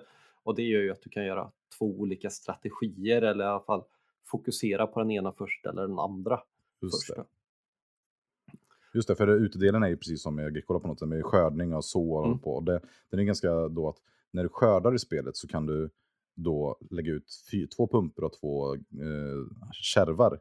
Tre. Eh, nej, två i det här, men det är tre Agricola. Ja, Eh, eller du får två extra, men du kan lägga Ja, ut precis. två dina egna så får du två Ja. extra varje. är. Så, så därför vill du ha ett ganska stor, stor utedel när du väl börjar dra igång. Så det, precis Ja. som Martin säger, då vill man liksom satsa på det. Och invändigt är att du måste först bryta upp invändigt så att du kan få plats att lägga ut nya rum. Alltså, Mm. du lägger ut, ut, först gräver du upp eh, berget, då får du plats och sen dekorerar heter det. Och det är då när vi kommer att säga att man bygger byggnader, bygger rum. Då Ja. dekorerar man egentligen, utan du hänger upp lite mysiga grejer i dvärggrotta. Jag har aldrig sett det framför mig. Det finns säkert bilder på de här. Eh, nej, det är liksom bilderna ser ut så här och vi har ju redan några på vår stream hur man kan kolla hur de ser ut. Så det, Ja. alltså, skulle det här på riktigt vara dekorationer, då tänker jag att man kanske hade kunnat ansträngt sig lite. Ja, titta här har vi någon liten, liten eh, illustration Bänk. på något sätt. Ja. Ja. en liten bänk liksom. Men det är ganska sparsmakat här på de mysiga detaljerna. Det, man, kommer det en 30-års, 50-årsutgåva kanske man kunde göra det här på riktigt så att det är liksom dog school och sen är det en, en, en mekanikhund. Det är liksom inte massa hundar som springer runt. Och faktiskt någon liten parvel är det där. Men, men okej, men så det skiljer ju. Mm. Och de, just de här dekorationerna, rummen då, som vi kommer säga, är ju Mm. så jätteskillnad. För det stora grejen med Agricola är ju att det är jättestor eh, varierad setup i det spelet. Ja. Att man har massa olika kort som draftas eller ges ut och på Mm. alla olika sätt. Och jag tror att den delen har folk uppskattat jättemycket. Ja, spelar man det många gånger så måste det ju verkligen göra skillnad. Men här får vi istället ett centralt bräde med, nu ska vi se här. 1, 2, 3, 6 gånger 3, 6, 8. 48 stycken olika rum då, som man kan Ja, bygga i spelet. Det är lite mastigt när man tittar på det första gången. Och i i Agricola har man ju faktiskt några rum som man kan bygga, men då är det 10 stycken man kan bygga eh, sam, sammanlagt med de här Well och de här. Ja. Här har du 48 rum som är först till kvarn på. Japp. Alla förutom den första byggnaden som är- gör att man kan ha fler familjemedlemmar finns det bara en av i spelet. Ja, det är gött. Och om det är någonting som förändrar det här spelet mot Agricola så är det just den här delen som helt förändrar hela, hela dynamiken i spelet ska jag säga. Ja, men det är ju istället för, ja som du var inne på, det är istället för kort så att det, det var ju likadant när du draftar kort i Agricola, att det finns ju bara ett kort av det. Eller Ja. där finns det ju några som gör typ likadant fast bättre eller sämre så det är väl inte riktigt samma. Men ja, här blir det ju väldigt mycket mer in your face än vad det blir i Agricola. Ja, och jag tänkte kanske, för det finns ju en väldigt så att eftersom det här då skulle vara lite mer maximerat, det är väldigt snällare matning i det här spelet. Det kommer Mm. inte alltid matningar, det kommer lottas ut under spelets gång. Det finns tre stycken frågetecken och resten är då harvest. Japp. Och de här tre eh, frågetecknen så är det första är det ingen harvest, alltså man får inte betala någon mat och man får inte skörda, man får inte föröka sina djur. Nästa som kommer är att man betalar en för varje familjemedlem istället för två. Japp. Eh, och den tredje är att man får välja en av de sista. Mm. Men det är mycket lättare för man, kan i spelet direkt när det börjar göra om djur och gr- grödor till mat. Så det, Ja. i Agricola måste du först också skaffa det. Och det känns som hela tiden spelet försöker döda Agricola. Mm. Här känns det bara som att man tappar vinstpoäng. Ja, det känns lite mer påklistrat. Det är väldigt sällan man måste verkligen anstränga sig för att Ja. lösa det liksom. Nej, för Agricola får du pulspåslag när du spelar. Du bara “Jag kommer dö!” Tar två personer i rad maten så dör jag. Då får jag gå 13 varv runt bordet för i vår husregel får man begging card, då måste man gå med handen framme och sen gå runt bordet. Det känns lite dåligt. Men. Japp. Så, um, så är det ju. Men det här spelet är det mycket vänligare. Så det finns ju ett stor vad ska man säga, konsensus här om att Agricola är ett hårt spel, Caverna är ett litet, eh, lite lättsammare och lojt på Mm. något sätt. Liksom vänare, man, lite snällare liksom. Mjukt i kanterna. Ja, det får man hålla med om. Det, så, det, jag vet inte vilket jag gillar bäst om jag ska vara helt ärlig med. Men när du spelar det här då, när du och jag spelat mot och du försöker Mm. anstränga dig, tycker du att det känns som ett väldigt avkopplande spel då, till exempel om du jämför med Agricola? Ja, fast det är, ju, det är ju vad du gör. Det blir mer spelarintegration. Ja, det blir det ju det andra också, men ja, det finns ju några så här startrunder som vi går in på när vi pratar strategi, men det handlar ju om att hamna Okej, är du spelar du och jag så här, är jag efter dig, då vet jag att okej, det här kommer du göra, så jag behöver tänka ut vad jag ska göra istället. Lite så. Ja, och det är det här som är hela min grej med det här spelet. Att Caverna, när man, om beroende på vilka metaregler man har, som vi pratade så mycket på en så här, att spelar man Caverna för att få ihop lite djur, eh, överleva och få lite poäng, Mm.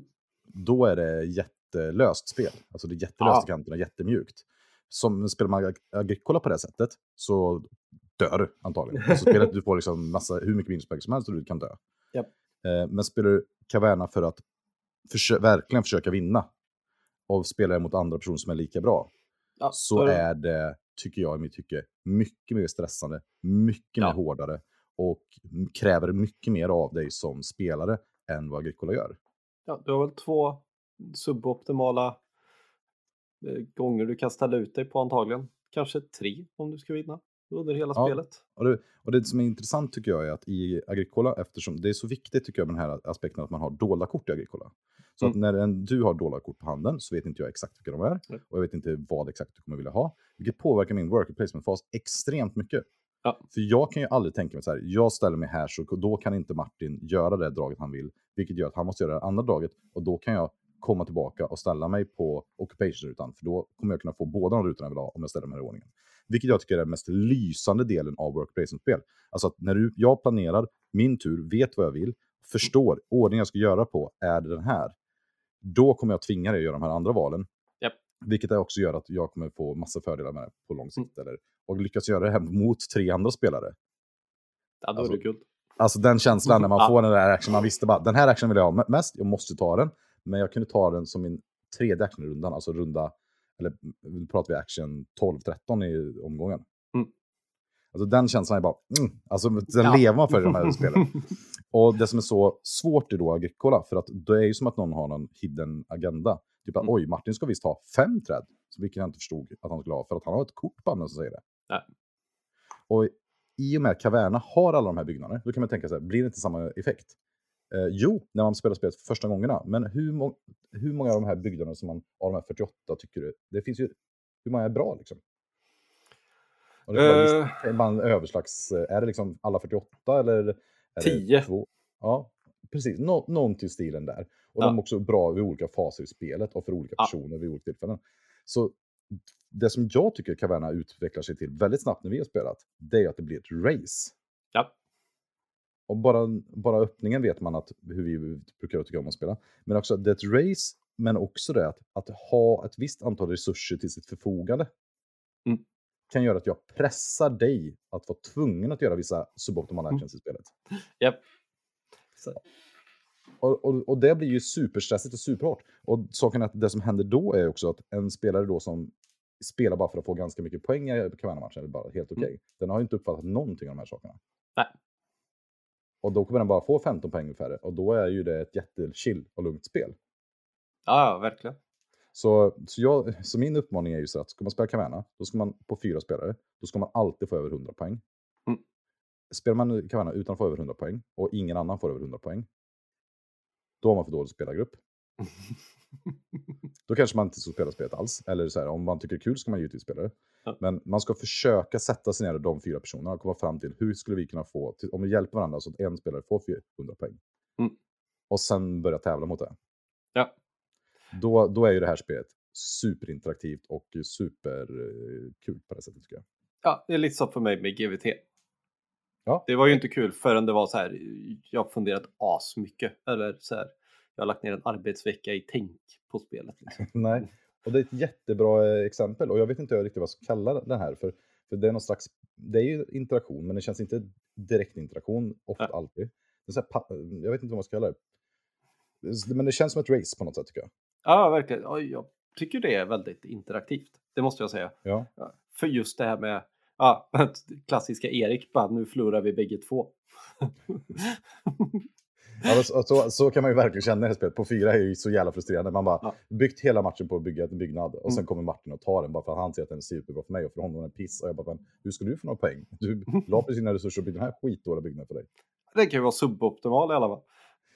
ja, men det var, ja, jag vet, jag går på tilt då. Alltså. Ja. Men, men, det, men det, är ganska, det är ganska kul också på det här sättet. Jag tycker att, att ett förhållningssätt mot det här spelet är Mm. avgörande skillnad på hur bra spelet tycker jag det är. Ja, jag kommer bara ihåg sist gång vi spelade att jag lite hade så här, grottat in mig lite för mycket vad jag gjorde. Så när jag liksom, ja men nu brukar det vara lagom att slå över till, ja man kan säga att de olika rummen har tre olika färger. Det ena är rött och det är ju hur många dvärgar som får plats. Orange då. Ja, okej. Ja. Awkward moment. Eller vad? ja, orange. finns- ja. Ja, precis så finns det en grön som brukar hjälpa till att man får mer resurser eller kan göra om resurser till andra Mm. Och resurser. lite specialeffekter kan man, finns det också. Ja. Och så gult då som generellt ger vinstpoäng. Ja, det är ju lite här det spännande är, när ska man slå över från resursskapande rum eller specialgrejer från grönt till gult då i rumsbyggande. Ja, ja, men jag hade så här zoomat ut lite, så här, lyckats bygga upp och så här, fått ihop mitt pussel. Tittar upp så här, men det finns inget gult kvar. Jag har så här missat det här en runda liksom. Då har alla byggt alla bra gula grejer. Så jag bara, jaha, okej. Jag är ju död. Jag kommer Ja. aldrig vinna det här. Från att det gick rätt bra kände man liksom till Ja, precis. helt tokdöd. Ja, precis. Helt galet. Ja, men och det är ju verkligen, verkligen svårt när man ska hitta, och, att just att även i början är det ju, eftersom det är ett worker placement så vet ju alla som är ett worker placement vet ju att man måste ha fler arbetare för annars förlorar man. Ja. Och det, så är det även i det här spelet. Men, Ja. men det är en jättesvår balansgång mellan att bygga sina gröna byggnader som hjälper en att få resurser Ja. och eh, specialeffekter mot att balansera mot att du vill ha nya familjemedlemmar. För du vill alltid ha nya familjemedlemmar i början. Och de är superbra ju tidigare du får dem. Ja. Så det, Men det här är, intressant. Men det här är ändå ett spel där man kan få för mycket familjemedlemmar Mm. innan spelet är slut. Man kan köra slut motorn eller vad man ska säga. Ja. Det är ändå också en så här spännande grej som inte brukar vara i worker placement-spel tycker jag. Ja, och i Agricola, för Agricola är ju sån otroligt dålig designmiss att, Mm. att de är, alla arbetena är värda tre poäng styck i spelet. Ja. Och, och, en, en, poäng, en bra vinnande poäng i Agricola, när vi har spelat i alla fall, är ju runt, beroende på spelantal, men runt 50 poäng är ju ganska starkt. Alltså 50, Ja. 55, 58 är ju superbra. Och, då, och man har ju även haft matcher på tre kanske som man avgörs på 30-40 poäng. Så Mm. att man får en arbetare och tre vinstpoäng är ju absurt i spelet. Ja, ja verkligen. Här får man bara ett poäng per gubbe istället. Och Mm. det tycker jag är en jättebra fix, Mm. eller vad man nu ska säga. Ja. För eh, det är intressant när det är ett val. Och jag har också förlorat det här spelet när jag har haft för många workers. Ja. Det är svårt. Vad, om man skulle säga så ska vi säga någonting om expansionen som kom för några år sedan som var en fanmade expansion. Mm. Eh, Den heter ju Forgotten Folk. Eh, Mm. Den har varit out of print länge, jag ska kolla om den fortfarande finns nu. Ehm, Kan du berätta någonting om eh, Forgotten Folk? Ja, det öppnar upp för andra, jag vet inte, vi har haft diskussioner om raser och sådär förut eh, och vad som är rätt och fel och hela det där men jag tror jag håller mig fast vid att, raser. Men det finns ju dvärgar och så finns det alver och så, eller man lägger till alver och människor och goblins och något stenfolk och lite annat sånt där. Som liksom ger en en inriktning på vad man är duktig på och så blir man ju kass på någonting annat istället. Så är du bra ute så är du oftast dålig inne i berget eller tvärtom eller du får en specialeffekt så du äter sten istället för att äta mat och lite sådana här olika saker. Eh, goblins är eh, många men de är lite slöa av sig så de tar inte med sig allt. Det händer lite så olika roliga grejer men du får mer gubbar istället. Så. Eh, det jag kan säga det är väl det är väl lite som Prelude då. Alltså det är ju så här spelet borde ha släppts och sen ska man spela spelet i originalutgåvan när man verkligen kan det. Ja, ja, ja, du tänker, tänker så ja. Ja. Att det är den bästa versionen av spelet på något sätt. Vad är det du tycker är bäst med det då?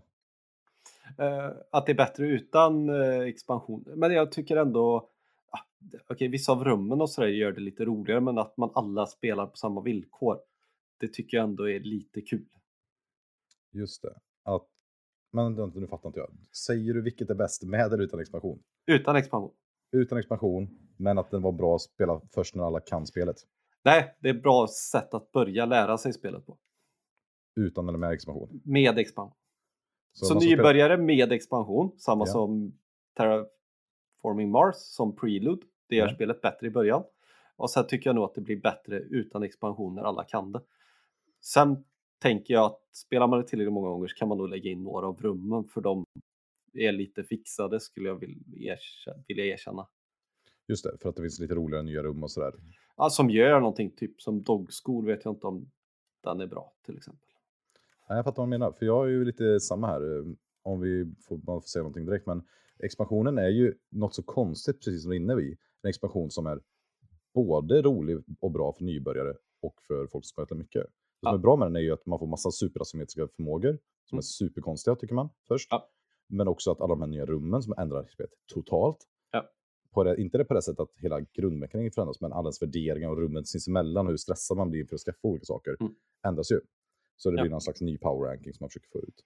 Men det som är bra för nybörjarna är ju som sagt att man får riktningen. Att de här asymmetriska krafterna, typ som humans, säger att du, du får, du, du, det blir jättejobbigt för dig att bygga inomhus, men du är helt grym på att vara utomhus. Ja. Och där kan du bygga dubbelt så mycket. Japp.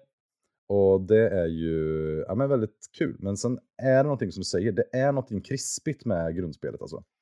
Men jag tänker att metat sätter sig lite fortare utan as, asynka starter och Mm. specialförmågor. Och det är nog lite det jag gillar i det här spelet.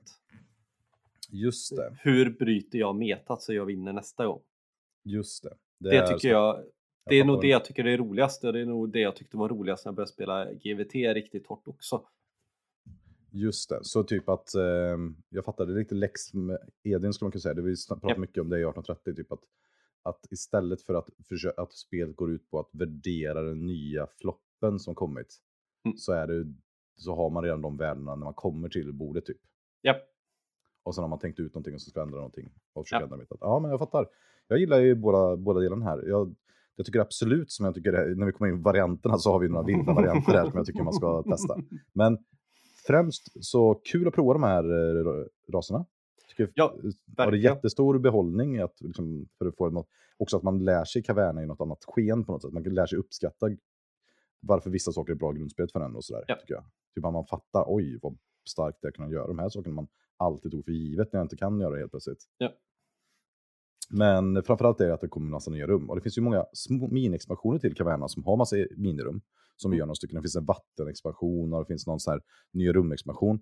Och de är ganska svåra att få tag i och ganska dyra att få tag på. Och jag kan Mm. säga det nu så jag inte glömmer bort det. Skaffa inte dem. Nej, de känns inte så väl testade alltså. Nej, fruktansvärt dåligt testade alltså. Jag typ går knappt förstå reglerna heller. Det står konstiga symboler som är jättemånga trådar på BG om vi försöker förstå dem. Och sen om antingen ganska kassa, då, liksom helt kassa och ingen vill köpa dem. Eller verkar de helt knäppa och helt OP. Eller, eh, f- och funkar då inte med expansionen. Till exempel finns det ett rum som man kan bygga som man får ha alla sina medlemmar i. Ja, det verkar Men- dåligt. Men det är inte värt några poäng. Typ. Så man kan bygga den ganska tidigt och ha hur många personer man vill. Mm. Och sen då i expansionen, när man spelar vissa factions, så kan du helt plötsligt skaffa dem runda ett och alla de här. Så det blir Ja. helt tokigt. Men det är ganska kul. Men eh, jag, jättestark rekommendation för den här expansionen. En av de eh, bästa expansionerna jag spelat i något spel tror jag. Ja, jag säger inte emot det. Alltså, den är ju skitbra. Ja, det gjorde ju att vi spelade spelet massa gånger mer och tog upp det och började spela det och sådär. Ja, för det kändes ju som att... Ja, nej, jag ska Och- inte avbryta. Framförallt, även om man spelar med nya människor som kanske har spelat spelet förut så är det ändå rätt roligt sätt att göra det på innan metat kommer. Det tar ju några Ja. gånger. Och det kan ju Ja. vara skönt att slippa det när man spelar med random dudes eller dudettes. Ja. Liksom. Ja. Ja, det känns lite fräscht på det sättet. Men hur många gånger tror du vi spelat Caverna om du får gissa? Jag, jag har sagt, men 40 måste vi ha spelat det. Ja, det känns nästan lite antal. För vi har skrivit, alla de här bladen är ju spelet till slut alltså. Ja, börjat på runda två. Jag är nog minst uppe på 100 partier skulle jag gissa på. Ja, räknar du med online eller fysiskt? Nej, typ inte. För jag har ju spelat många gånger med Rebecca också. Ja. ja jag, tror jag, jag tror du och jag har spelat ihop 40 gånger i alla fall. Mm, och det skulle jag kunna gissa också. Det måste vara vårt mest spelade spel också, tänker jag. Ja, det tror jag. Och vad tyckte du när vi började spela igen då? Alltså det är ju en god känsla i magen. Så här, kommer jag få först? Får jag göra här, de här Men- sakerna? Nej, alltså det är, jag märkte ju att jag hade tappat en del som satt i ryggmärgen och jag behövde fundera och värdera om saker igen. Som jag, Ja. Det var ändå, för vi spelar med lite nya människor också. För jag tänkte, så, du sa ju när vi pratade om Greatest Trail att det var ett spel du skulle vilja spela typ en gång i månaden för att du skulle fortsätta vilja spela det. Ja. Hur känner du med Caverna? Är det liknande spel på det sättet? Eller? Om det ska vara riktigt bra så behövs det nog spelas en, två gånger i månaden. Ja. Men det Sen känns... Det är ändå ett bra spel ändå. Ja, okej, jag fattar. Ja. Det är lite comfortzonen. Du skulle kunna göra bättre Bollnäs som verkligen ansträngt mig, men den ihopslängda är liksom helt okej. Ja, ungefär så. Ja, det är intressant. Sen Nej, men- tänker jag, jag tror det varit tråkigt att spela det med ett gäng som har spelat det tio gånger på raken och sen gå och sätta sig vid bordet liksom. och inte hänga med alls. Just det. Men hur tycker du känslan i spelet är när du spelar? Vi har ju pratat lite om det här, men vad, vad liksom... Ja, men det, var- jag tyckte du fångade rätt så bra de här äh, sprintarna till allting. Liksom. Mm, Racet att åh, kan jag låta de där sex träden ligga kvar till min nästa tur för då är det nio träd och så kanske jag kan göra det här. Jag kan ta träd och så kan jag, just det, kriga har vi inte pratat om. Eller gå ut och röva. Just det, och det är den största nya mekaniken kan man säga. Kan inte du förklara den då? ja, okej. Man kan göra vapen på sina gubbar och så kan man gå ut och göra sidequest eller hur man nu vill uttrycka det. Eh, För x antal kol brukar det vara på en ruta så får man gå ut och kriga en, två eller tre gånger och så får man välja ifrån en separat lista som är förutbestämd så får man välja saker att ta hem därifrån. Så man kan ju göra en helt egen grej, nästan spela hela spelet med bara krigare istället för att spela dem ihop med eh, det vanliga spelet. Eller vad man ska säga. Men oftast brukar det vara en bra enabler att lösa saker och ting på eh, sidoquests eller få billigare rum och sådana här saker. Liksom. Och det som är intressant tycker jag med dem är att de är väldigt bra de här äventyren, eller krigarna, vad man ska dem. Mm. Men att du, den du får gå ut sist med din Ja. starkaste krigare, eller dina krigare, så har du, Mm. Det straffar liksom att ha många arbetare. Ja. Men du kan också betala rubiner för att gå före i turordning med dina arbetare. Så, Ja. så jag tycker det är en ganska fin balansgång, att de, de blir effektivare ju färre du har, men du vill samtidigt ha många gubbar. Och sen kommer en massa olika poängbyggnader som gör att du får olika poäng. Tycker kul, kul mekanik med det här alltså. Ja, var, utan det spelet så tror jag det blivit ofantligt mycket tråkigare. Mm. För man blir så himla kraftig om man får vara det själv så då måste någon annan börja gå in och kriga lite grann för att du inte ska få kriga helt själv. Och helt plötsligt kan det vara bra typ två eller tre gubbar ganska länge i spelet mot den som kör med att ha så många gubbar som möjligt. Ja, ja, men, det- ja, men jag håller med. På tre spelare förlorade jag faktiskt mot en person som hade tre arbetare genom hela spelet. Det Mm. jättetajt. Ja, men, och, ja, men jag håller med, vad intressant. Men vad, vad skulle du säga om spelantal i kavernerna? då? Vi har ju provat det på två, tre, fyra, kanske fem. Vi har provat det på sex, inte sju va? Nej, Jag tror det är så va? Mm. Det var någon som fick vara hemma på grund av sjuka barn Ja. eller något sånt där. Eh, tycker det är mer bättre, färre, sämre. Så blir det väl ofantligt hårt på tre också. Eh, det fungerar förvånansvärt bra på sex, kommer jag ihåg i alla fall. Det flöt på väldigt bra. Sen blir det svårare och svårare att planera desto fler man är. Är Ja. man tre, då blir det ju lättare att lista ut vad måste de andra göra och överblicken och sådär. Ja, precis. Ju bättre man blir, desto mer krispigt blir det på fler spelare på något sätt. Mm. För Färre på två menar är det ju... Nej, men att på två så är det ganska lätt att försöka förstå alla Ja. dina möjligheter och vad jag, vad jag måste hinna först till, så att man får Ja. den race-känslan. Och på tre är det ju en person till man ska hålla reda på, och Ja. fyra är ju... Men det går fortfarande på fyra väldigt bra tycker jag, det känns inte Ja. kaotiskt. På fem och sex börjar ju man bli så här, oh, nu börjar det här börjar suga lite i tarmen. Och, om man funderar på det här, hur ska det här gå ihop? Och kommer de, om de där tre personerna tar de här actions först och sen tar ny spelordning, då kan jag fortfarande inte garantera att jag får det här rummet som jag måste få. Men jag Ja, tyckte, ja. tyckte det löst, alltså den, man lägger ju till fler actions om man är fler personer och de löser en hel del. Förutom rummen då, det blir ännu mer tävling om dem då. Ja, men det är väldigt, väldigt bra balanserat för att kunna ha så många olika spelantal. Ja, verkligen.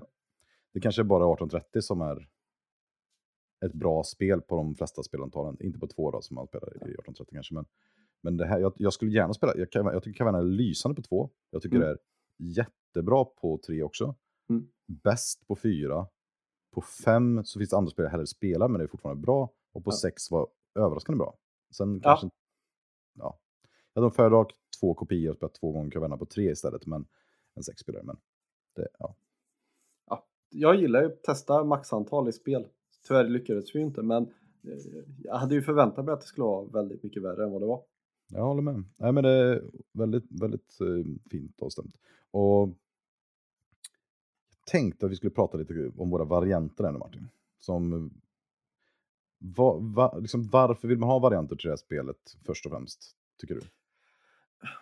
saker jag tycker som gör spelet sämre är ju att alla actions framåt till exempel, det är att man inte vet om dem. Så man kan inte planera efter dem, så det handlar lite om att ha, har Erik planerat haft tur i sin planering så kommer han vinna det här partiet. Eller har jag haft tur i min planering Ja. så kommer jag vinna det här spelet. För det är väldigt stor skillnad vart, de här vart den första icke-harvest harvesten kommer i spelet. Ja. Och, och det är bara ganska enkelt kan man tänka sig, en person som då värderat resurser över trygga, mat, trygga maten kommer Mm. ju ganska belönad om den här Ja. slumpade harvesten kommer sent eh, Mm. kontra tidigt. Och de som har fixat massa, ska gå i midgame in i skördning, jublar ju om det Mm. plötsligt har varit alla de här icke-harvesten i början, för då har de superbra. Ja, och det är ju samma sak. Så här, ska du kriga så måste du göra ett vapen och det slumpas ju upp mellan en av de tre första turerna i spelet. Ja. Så har du otur så måste du vänta till tur tre innan du kan gå in i vapen. Och sen, det blir ju ja, ännu värre med expansionen när det finns olika Ja. då, raser som är, måste kriga kan man säga. Precis. Som trollen till exempel. Ja. Och, och det tycker jag det, det behöver man nästan veta när man kör igång spelet liksom, för att det ska vara bra. Just det, och då är varianten att man gör vad då? Ja, man slumpar ut allting direkt från början och flippar upp det så allt är synligt. Och För, för jag tycker ju att på något sätt att det som är så unikt med Caverna om man har lite olika saker, det är att det är, och det kan man ju tycka är jättedåligt givetvis, men det är så nära det perfekta informations worker placement eh, spelet, spelet med supermycket interaktion. Japp. Och just de här kaotiska slumpmomenten kan jag förstå att folk behöver för att det blir ju tråkigt på något sätt om allting är öppet tycker vissa. Och vissa då som du och jag här tycker att det blir rätt trist när vi har spelat det så många gånger och vi bara så här, okej men här kommer det komma ner till, eftersom vi också spelar spel på det sättet kanske då, att Ja. det kommer gynna någon av oss. Mm. Och den kommer ha jätte-edge. Och det tycker jag är tråkigt. Och, ehm, så det är ju, varianten är att spela med alla, och det är ju ganska dåligt för nybörjare, för då plötsligt ser man alla actionrutor från 1. Det är inte så att man kan välja alla actionrutor från 1, utan man bara ser vilken ordning de kommer i och hur de här harvestarna kommer. Ja, Det är en perfekt, eh, perfekt variant. Den, är ju, den finns bara en sak man måste ju fixa till. Och det är att man måste ha aktion på vem som startar spelet. ja, jag har bara inte riktigt förstått vad det ska vara. En vinstpoäng känns lite för löst. Ja, jag tror att det måste vara det. Det måste vara vinstpoäng alltså. Och jag tror för annars pajar man eh, balansen i början. Det är så Ja, konstigt. ja. Det är så konstig start. Jag har för mig att första, spelaren får en mat, andra Ja. får en mat, tvåan får två, nej trean får två och fyran får två mat också. Ja, Och man vill aldrig vara spelare fyra. det här är så himla straffande i det alltså. det är så sjukt dåligt alltså. Det är verkligen katastrof. Så där måste man ha en sån klassisk aktion. Man säger jag vill vara spelare två för ett vinstpoäng, eller vad det nu kan vara. Ja. Och sen drar man igång. Och det här, då blir spelet tokbra. Behöver man spela de här första tio gångerna man spelar på det här sättet? Nej. Nej, det är helt onödigt. Ja. Det är efter de första fem, sex gångerna. Då, men då är ju spelet Det- ännu bättre. Det är när du har suttit ner med dina kompisar och haft en strategidiskussion om hur får vi 100 poäng. Efter det, då kan du börja fundera på de här sakerna. Ja, ja. Mm. Och så är det ju. Det, är, ja, ja, det kommer vi komma in i snart. Ja. Vad, vad, ska, vi, ska vi göra så att vi drar själva recensionen färdigt först? Och sen de som vill lyssna färdigt kan lyssna färdigt på det. Och sen pratar vi strategin efter vi har gett betyg och rekommendationer. Och, Ja, det låter väl som en vettig grej. för vad fin- har vi för mer varianter? Jag har ju en till med expansionen. Jag vet inte vad du tycker om den här. Som vi testade spela den en gång. Det är att expansionen har ju, kan det vara, 30 nya byggnader eller något i den stilen. Och som Ja. vi varit inne på, som vi kommer prata in i vår strategidel, är ju vilka byggnader som är bra och dåliga. Ja. Så det som är tråkigt med de här byggnaderna är ju som vanligt, folk tror att brädspelsdesigner är bra på att balansera saker. Och, det, Ja. det, och jag tänkte på det här i helgen, för jag var drack öl med Arvid som är Magic-spelare. Ja. Och med Fabian som är vän av podden. Mm. Och vi pratade lite om speldesign och speldesigners och balans och sådär. Ja. Och på något sätt, han är ju Magic-spelare och då pratar vi om speldesign och balans. Mm. Och, och typ även tv-spel, hur de patchas och sådär. Ja. Och att man ska tänka liksom att Magic är en jättestor maskin, jättemycket pengar i. Mm. Där man har jättemånga anställda som bara sysslar med att komma på nya kort, men också då designa Ja. kort och speltesta dem och eh, se till. Och det finns ett jättestort intresse i Magic-industrin då att inte göra för bra kort. ja, Och det är en svår balans, för du vill alltid göra nya bra kort för att folk ska köpa din nästa set. Men gör det för bra, som händer hela tiden, så måste du banna kort. Mm. Och då blir spelarbasen förbannad och helt plötsligt tappar dina produkter som sålt massa värde för folk vill inte köpa dem för de vet att det finns massa bannade kort i, i serien. ja, precis. Så då anställer man massa gamla proffs som är, eh, lägger jättemycket tid för att spela de här korten och ser till att de inte ska vara för bra för att Mm. fundera på hur de då påverkar olika spelformat och sånt. Och det som händer då är ju att det finns, jag vet inte hur, det får du gärna googla på Martin, kan du få googla hur många Magic-spelare det finns i världen? Så du kan få upp någon svar. Och det som händer när då en ny serie släpps, det är ju att alla de här personerna som spelar hur mycket som helst sitter och håller tummarna, hoppas inget blir brutet. Och sen så bara släpps Magic-korten och helt plötsligt så är det så många personer som hittar massa nya sätt att använda de här Magic-korten på mot varandra än vad som har speltestats, vad folk har tänkt på, vad intentionen var och det blivit bara fullständigt kalabalik och det är massa kort som bannas. Om man då har det i tanke att det här multimiljonföretaget lägger hur mycket resurser som helst på att se till att det här inte ska hända. Mm. Och så jämför man med det till exempel med Splotterspellen eller med eh, Uwe Rosenberg eller några av de här andra stackarna som ska försöka ha något gäng på typ 30 lite 30-40 gubbar som ska sitta och spela dessa Caverna till exempel. Japp. Alltså, det är ju så, det är, det är ju, det går ju det är som statistik, det går knappt säga att det speltestas Nej. i jäm- i jämförelse. Och, och jag uppfattar ju att i vår community så finns det en jättestor, jag vet inte om det är respekt för designen eller respekt för någonting, att man ska gärna följa intentionen från designen. Japp. Att det är liksom viktigt vad som står på de här korten, och det står i regelboken och så vidare. Och för mig är det så främmande. Alltså, man ska ju alltid liksom på något sätt vara respekt på det för ett sätt att man är, tycker det är kul och intressant och en välgärning och något fantastiskt att någon har skapat någon sån här in, intressant föremål som man kan interagera med. Ja. Men att också tro att samma person skulle kunna an, omsätta sin intention till någonting som tolkas av oss spelare på samma sätt och få samma typ av upplevelse som han har gjort, är för mig otroligt naivt alltså. Ja.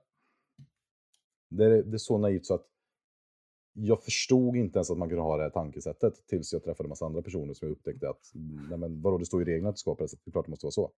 Det är någon som har speltestat här. Ja. Och, så, ja, men det är så här. Jag tänker människor som håller på med sådana här saker som vi gör. Så här, av någonstans alltid försöker hitta kryphål och lite sådär. Det kanske är för att jag också kommer från Magic och eh, Dungeons and Dragons liksom, där man satt och läste suspekta speltidningar liksom, där man kunde hitta en superoptad grej liksom, som var Ja. släppt utav, eh, vad heter de, det är väl också Hashbros som Ja, släpper Det är det. det som Liksom. är. Japp. Sabbat Så- också, för övrigt. Ja, precis. Japp.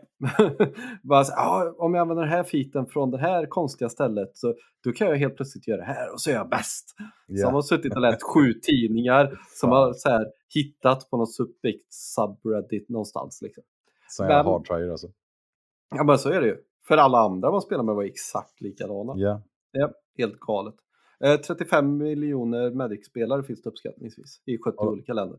ja, det är kul, för då släpper man det till de här galningarna som då börjar nöta spelet och då får man ju liksom resultatet. Lyckades man med speltestningen? Bara, nej, så är ju Ja. svaret. Ja men alltså om du nu spelar, säg alla kanske 35 miljoner är väl inte aktiva hela tiden. Vi säger och spelar. 10 liksom. Ja, eller bara fem då. Första dygnet de har spelat, de har spelat tre matcher och de har speltestat det 15 miljoner gånger. Hur Ja. många år behöver fyra spelare komma upp i för att speltesta någonting? Och, s- och sen 15 måste miljoner sammans, sammanställas så här. Men sen sitter då proffsteamen som bara då nöter det här, samlar in information, åker iväg, bygger lekarna. Ja. Och sen bara totalt demolerar, så sprids det på hela nätet och då försöker alla optimera sina lekar och sen upptäcker man bara, men det här kortet är helt knäppt. Det går inte Japp. mot. Ehm, nej men, nej, men jag, jag, jag, tycker bara liksom att på något sätt att jag Uwe Rosenberg är fantastisk som har gjort det här spelet. Men Mm. det, sen är det ju vårat spel som vi spelar med varandra. Och det är klart att Uwe vill att vi kanske ska spela på ett visst sätt. Det är därför han skrivit det här liksom, regelboken och så. Men Mm. till sist så är det ju på att vi tycker att spelet är kul för att vi umgås med varandra över spelet och då bestämmer vi vilka regler som ska vara. Jag tänker det är väl lite samma som den diskussionen ni hade, eller jag vet inte när ni pratade Author is dead, där jag inte fick vara med. Eh, Du fick vara med, fy fan. När jag blev utslängd ur min egen podd. Jag tror du hade fått en stock i huvudet eller något. Eller? Ja, det kan ha varit något sånt. Ni Ja. pratade om någon hemsk eh, högermänniska också. Uh, ja, eh, men lite Just det här. det, du själv valde att inte vara med. Jag såg Ja, det. precis. Ja, det var det nog till stor del. Men lite det här J.K. Rowling jämfört Ja. med någon annan som att man tycker det är kul när folk gör sin egen grej och skriver fanfiction och hela det här. Mm. Jag tänker att det behöver brädspelscommunityt också. För jag tror Ja. det ska bli hälsosamt. Ja, men, Sen och- kan man ju ändå respektera grundtanken i författaren eller spelskaparen och sådär liksom. Men jag undrar om vi kommer in på någonting som liksom är stereotypiskt på internet, kvinnligt och manligt här. Ja, Att så här eh, fanfiction och sånt, jag kan ju ingenting, är total killgissning. De jag har träffat i livet av mina elever är ju nästan alltid tjejer som eh, skriver de här kreativa sakerna och skriver helt fantastiska grejer i de här communityna. det tror jag också. Eh, om jag också hjälper dig att killgissa, ska vi ha en sån här manlig konsensus här på gubbar över 35? Ja, så träffar man ju på rätt många regelryttare i sina dagar. Ja. De, ja, det finns ju ett, en och annan person som jag träffat som är så, med så. Som, ja. Men, de är ju, men det kan ju också vara för att man träffar mestadels män som spelar den här hobbyn. Men Ja. det är många som tycker om sina regelböcker kan man ju säga. Ja, precis. Och blir helt stressade när man tycker, okej som du till exempel, ja, alla blir sura att någon blir fyra och Martin kastar till en mat till honom. Ta en extra mat då. Ja. Bara, då så kan man inte göra! Varpå jag säger, okej är det någon annan som vill vara fyra med en extra mat? Nej, okej, ja, då tar du maten då. det är en bra lösning. Ja, det är en jättebra lösning och det är därför vi kom på det med auktioner. Det var ju Ja. härifrån det började. Det var inte i Great Western Trail som sen var en, nu en officiell variant. Alltså den är ju på Mm. riktigt. Ja. Eh, det var här när vi insåg att det här är helt brutet i det spelet att börja. Ja. Det är jättedåligt att vara fyra. Mm. Eh, ja, nej, men det är ju... Men jag tänker om det är det som gör att det är ett spel kommer till bordet igen. Eller gör att jag inte väljer bort det. Då är det ju Ja. sjukt konstigt att följa regler till punkt och pricka. Sen kan man ju förstå att människor som är nya inte riktigt köper hela konceptet som har... Ja, vi har ju Nej. testat i massa olika format och vi kommer nog fortsätta göra det för vi tycker det är kul. Men som sagt var, det kan ju ha med våran bakgrund att göra. Ja, och det är kanske är viktigt att säga just att när man, har, att man tänker sig att om man har ett egen överenskommelse där man brukar vara fyra som spelar och sen är en borta och man har en ny, då får man kanske vara lite ödmjuk och tänka så här, men nu kanske vi måste bestämma på nytt, ratificera det här igen. Det Ja. om att vi tar bort de här rummen eller vad det är.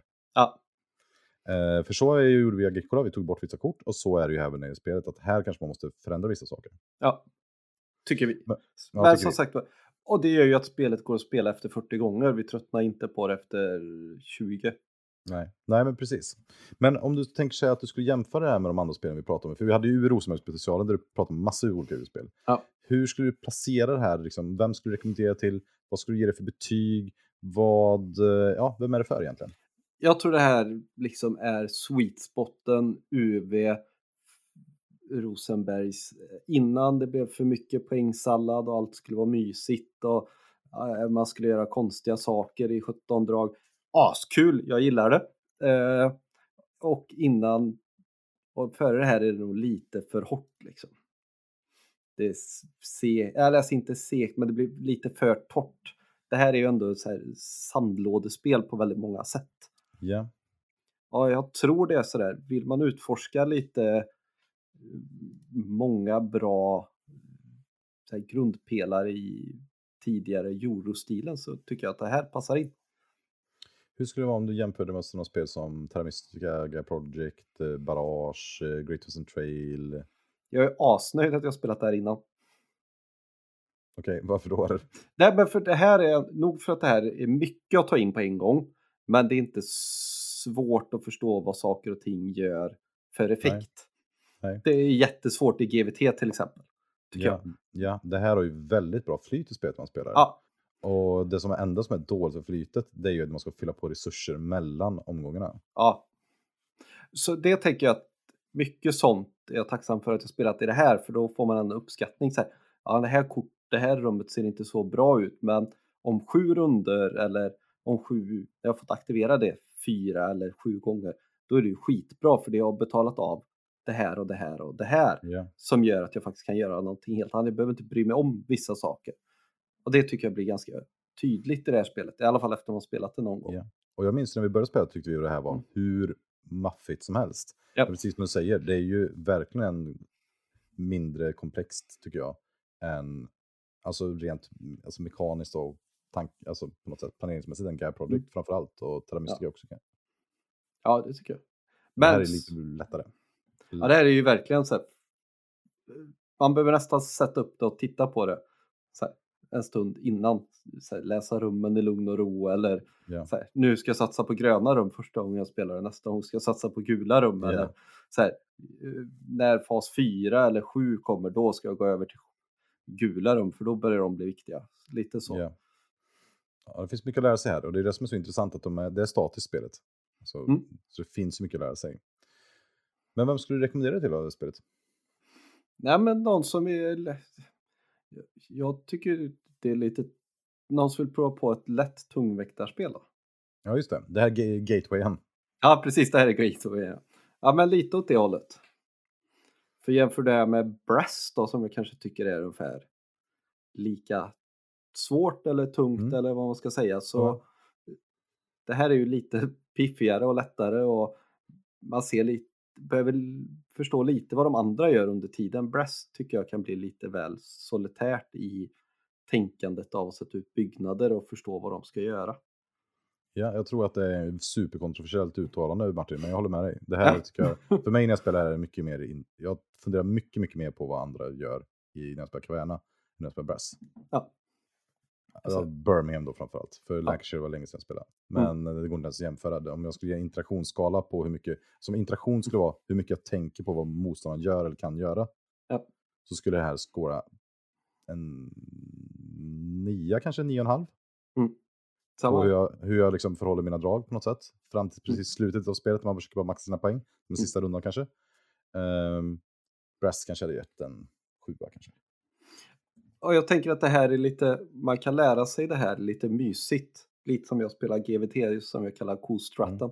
Ja men lite sådär, man kan lalla runt lite och testa lite olika saker och inse att vissa strategier kommer man aldrig kunna vinna med och sådär. Och spelar man det i ett gäng sådär tillsammans så kan ju det få hålla på en stund tills man börjar inse vad man måste tävla om, varför man tävlar om de här sakerna och sådär. Så jag tycker det är en bra resa in i det kompetativa om vi nu kallar det då från Just det. casual. Ja men verkligen. Och just därför passar det också bra med, tycker jag, att spela, tänker jag, spela med familj och vänner och sådär också. För att Mm. de kan få göra det medan man själv försöker opta sina, sina strats. Se bara, okej, ingen stoppar mig här, men då får jag 145 poäng, vilket har hänt. Japp. Och det är ju helt obscent. Men eh, okej, vad skulle du ge det för betyg då? Ja, det här är väl en... Vad gav- jag det poäng sist? Nej, jag- Nia gör jag det idag i alla fall. Det, det är ändå bra. Ja, lite så här nykär igen. Vad skulle behövas för att ge en 10 då? Ja, Alltså, Okej, jag säger jag ger det nia med våra regler så som vi spelar Ja. då kanske. Annars är det nog en åtta. Ja. Men jag, det är lite, jag tror inte det här kan bli en tia för mig för det, det är lite för klonkigt och lite det här att man bara en person kan få ett rum och så turordningsbaserat. Det är liksom, Det är inte tillräckligt fritt på det sättet. nej men det finns vissa restriktioner som gör att det blir så fantligt avgörande vart du går ut i turordningen. Och jag vet Ja. inte om det skulle lösas helt och hållet av en aktion i början. Ja, jag gillar nog det. Men, eh, nej men, ja, jag hör vad du säger. Ja, det är en bra rekommendation alltså. Mm. Jag håller med dig. Jag tycker att det här är ett eh, fantastiskt spel. Och precis som du säger, det är ett jättebra spel om man inte har spelat så supertunga spel innan. Mm. Och för ikonografin är bra, håller ihop med andra Uwe Rosenberg-spel.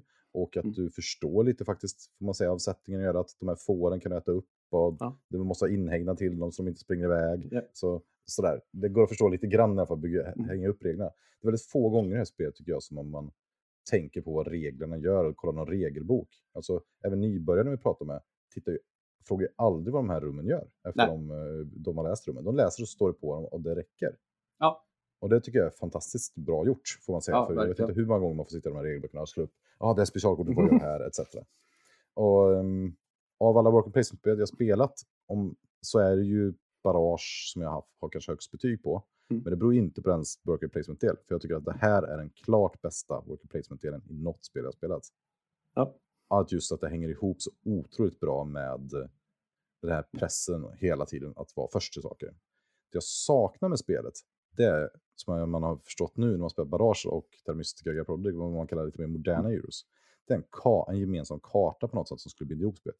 Nu har man Ja. de gemensamma actionsen, men kanske någon slags, att de här, de, när man håller på och grävde i sina gruvor och sånt, Mm. att det var något gemensamt istället. Ja, så man så här, grävde först i Ja, grottan. så, alltså- ja. På något sätt, liksom att det, man tingade vissa ställen och att det var hans familjs rum. Jag vet, jag vet inte vad, hur det skulle vara, men, men jag tror att Så att det blev en, en till dimension där istället för att det blir ett solitärt pussel på ditt spelarbräde. Ja, Det, Det det, känns- hade, hade varit jätteintressant, hade jag tyckt. Mm. det känns ju väldigt UV annars. Ja. Jag håller på med lite min pusselbit här. Ja. Jag ska få, jag ska få Ja. mitt livspussel att gå ihop här i två timmar i alla fall. ja. ja, det vet vi ju hur det brukar gå. Nej, men, och jag tycker att ett spel så som man spelar många gånger så är det här ju helt fantastiskt. Och att det kan spelas på så många spelantal. Mm. Och att eh, jag tycker att det tillhör lite mm, brädspelshistorien på något sätt. Och att, att som du säger, det är ett sandlådespel som är så fritt att du Mm. liksom nästan, de här actionerna som kommer senare i spelet, då är det egentligen bara mer av de tidiga action. Det är inga unika nya grejer som öppnas Nej. upp eller någonting. Utan vill du köpa ett rum så kan du köpa i princip direkt i spelet. Ja. Det som hindrar är ineffektiviteten att köpa det direkt för att du vill Ja. egentligen göra något annat före. Vilket jag tycker är nästan unikt i sådana här spel. För ofta är att du skulle ha level 3-grejen, då måste du uppgradera de två andra första och sen kan du bygga det supermäktiga. Japp. Vilket på det sättet är det ganska avskalat för det säger inte så här åh super super coola grejen som du bygger sista alla combo-grejer som du bara längtar efter. Men jag tycker ändå det finns en fin liksom, spelet, någon slags vad heter det, kurva i spelet. Att det, Mm. så du får fler och fler actions och det blir mer och mer maxat och du ser någonting växa upp framför dig också. Också Mm. fint med det här spelet. Eh, men jag tycker det är uh, under, det här är underbar brädspelskonst alltså.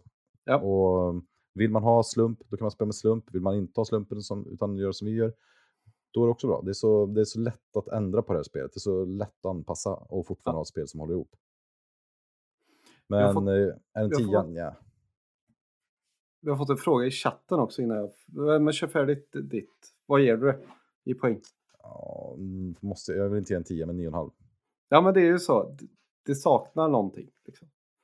Eh, vi fick en fråga förut. Eh, tänker ni lika mycket i Caverna när ni spelar det lika många gånger som när ni spelar Brass? Tänker ni lika, lika mycket Caverna när ni spelat det lika många gånger som ni spelat brädspel? Det blir ju Inte- tvärtom för oss då. Tänkte vi lika mycket gång fem i Brass som vi gjorde i Caverna. Ja, men det, framförallt jag tänker mer på i Bress är nog mer på egna spelbräde. Som jag tänker nu Mm. till exempel när jag spelar eh, Sight till exempel, ett bra exempel. Ja. Det finns massa folk som håller på med massa saker runt omkring mig, men nästan all min tankekraft går ut att eh, titta på mitt eget spelbräde. Om Ja. man spelar food chain är jättejobbigt för det är i båda delar. Man måste, dels måste kolla på sin kedja och sen hålla koll på brädet, vilket är fantastisk balans mellan det. Ja. Och Caverna tycker jag har då en, att på mitt bräde tittar jag nästan ingenting. Alltså det är så lite tid jag lägger på att optimera mig, mig själv. Alltså det Ja. sju, åtta träd eller ska jag ta fyra träd till? Det handlar så mycket vad, vad ligger i tempot för att göra de här sakerna jag vill göra Ja. hela tiden. Så jag måste ha koll hela tiden. Men när jag spelar Bress, där funderar jag mycket på ja, turordningen. Har- Hur mycket Mm. har spenderats? Hur mycket kommer jag vilja spendera? Eh, men där styrs jag hela tiden av mina kort som jag har också. Vilket gör att jag måste spela lite mer taktiskt. Här bygger man ganska och om eh, ganska... Alltså det här är ju ett taktiskt spel, ja, men du försöker göra det så strategiskt som möjligt. Att du försöker planera tre runder i rad. Ja. För du, bara, du vill ha den här byggnaden först. Och du vill ha den när de andra tror att de vill ha den, när de har byggt sitt första rum. Då vill du vara den som först bygger den gula byggnaden efter rummet. Mm. Och det är typ fyra törn framåt. Och då måste du bara se till att börja plocka resurser och sånt. Och bygga tempo och ta turordning och se till att blocka vid rätt tillfälle. Och inte, oj, nu fanns det sex trän. Måste du ta dem då? Ja, kanske måste du ta dem och pivota. Tappar jag tempot då på första familjemedlem? Ja, kanske. Är det då värt att ta de sex trän? Ja, för då får jag ett bra tempo till den gula byggnaden jag ska bygga efteråt. Ja. Okej, då är det värt det liksom. Mm. Ehm, jag, jag, jag, alltså jag kan inte svara på om jag ska spela brädspel jättemycket, men på, jag spelar ju... Jag,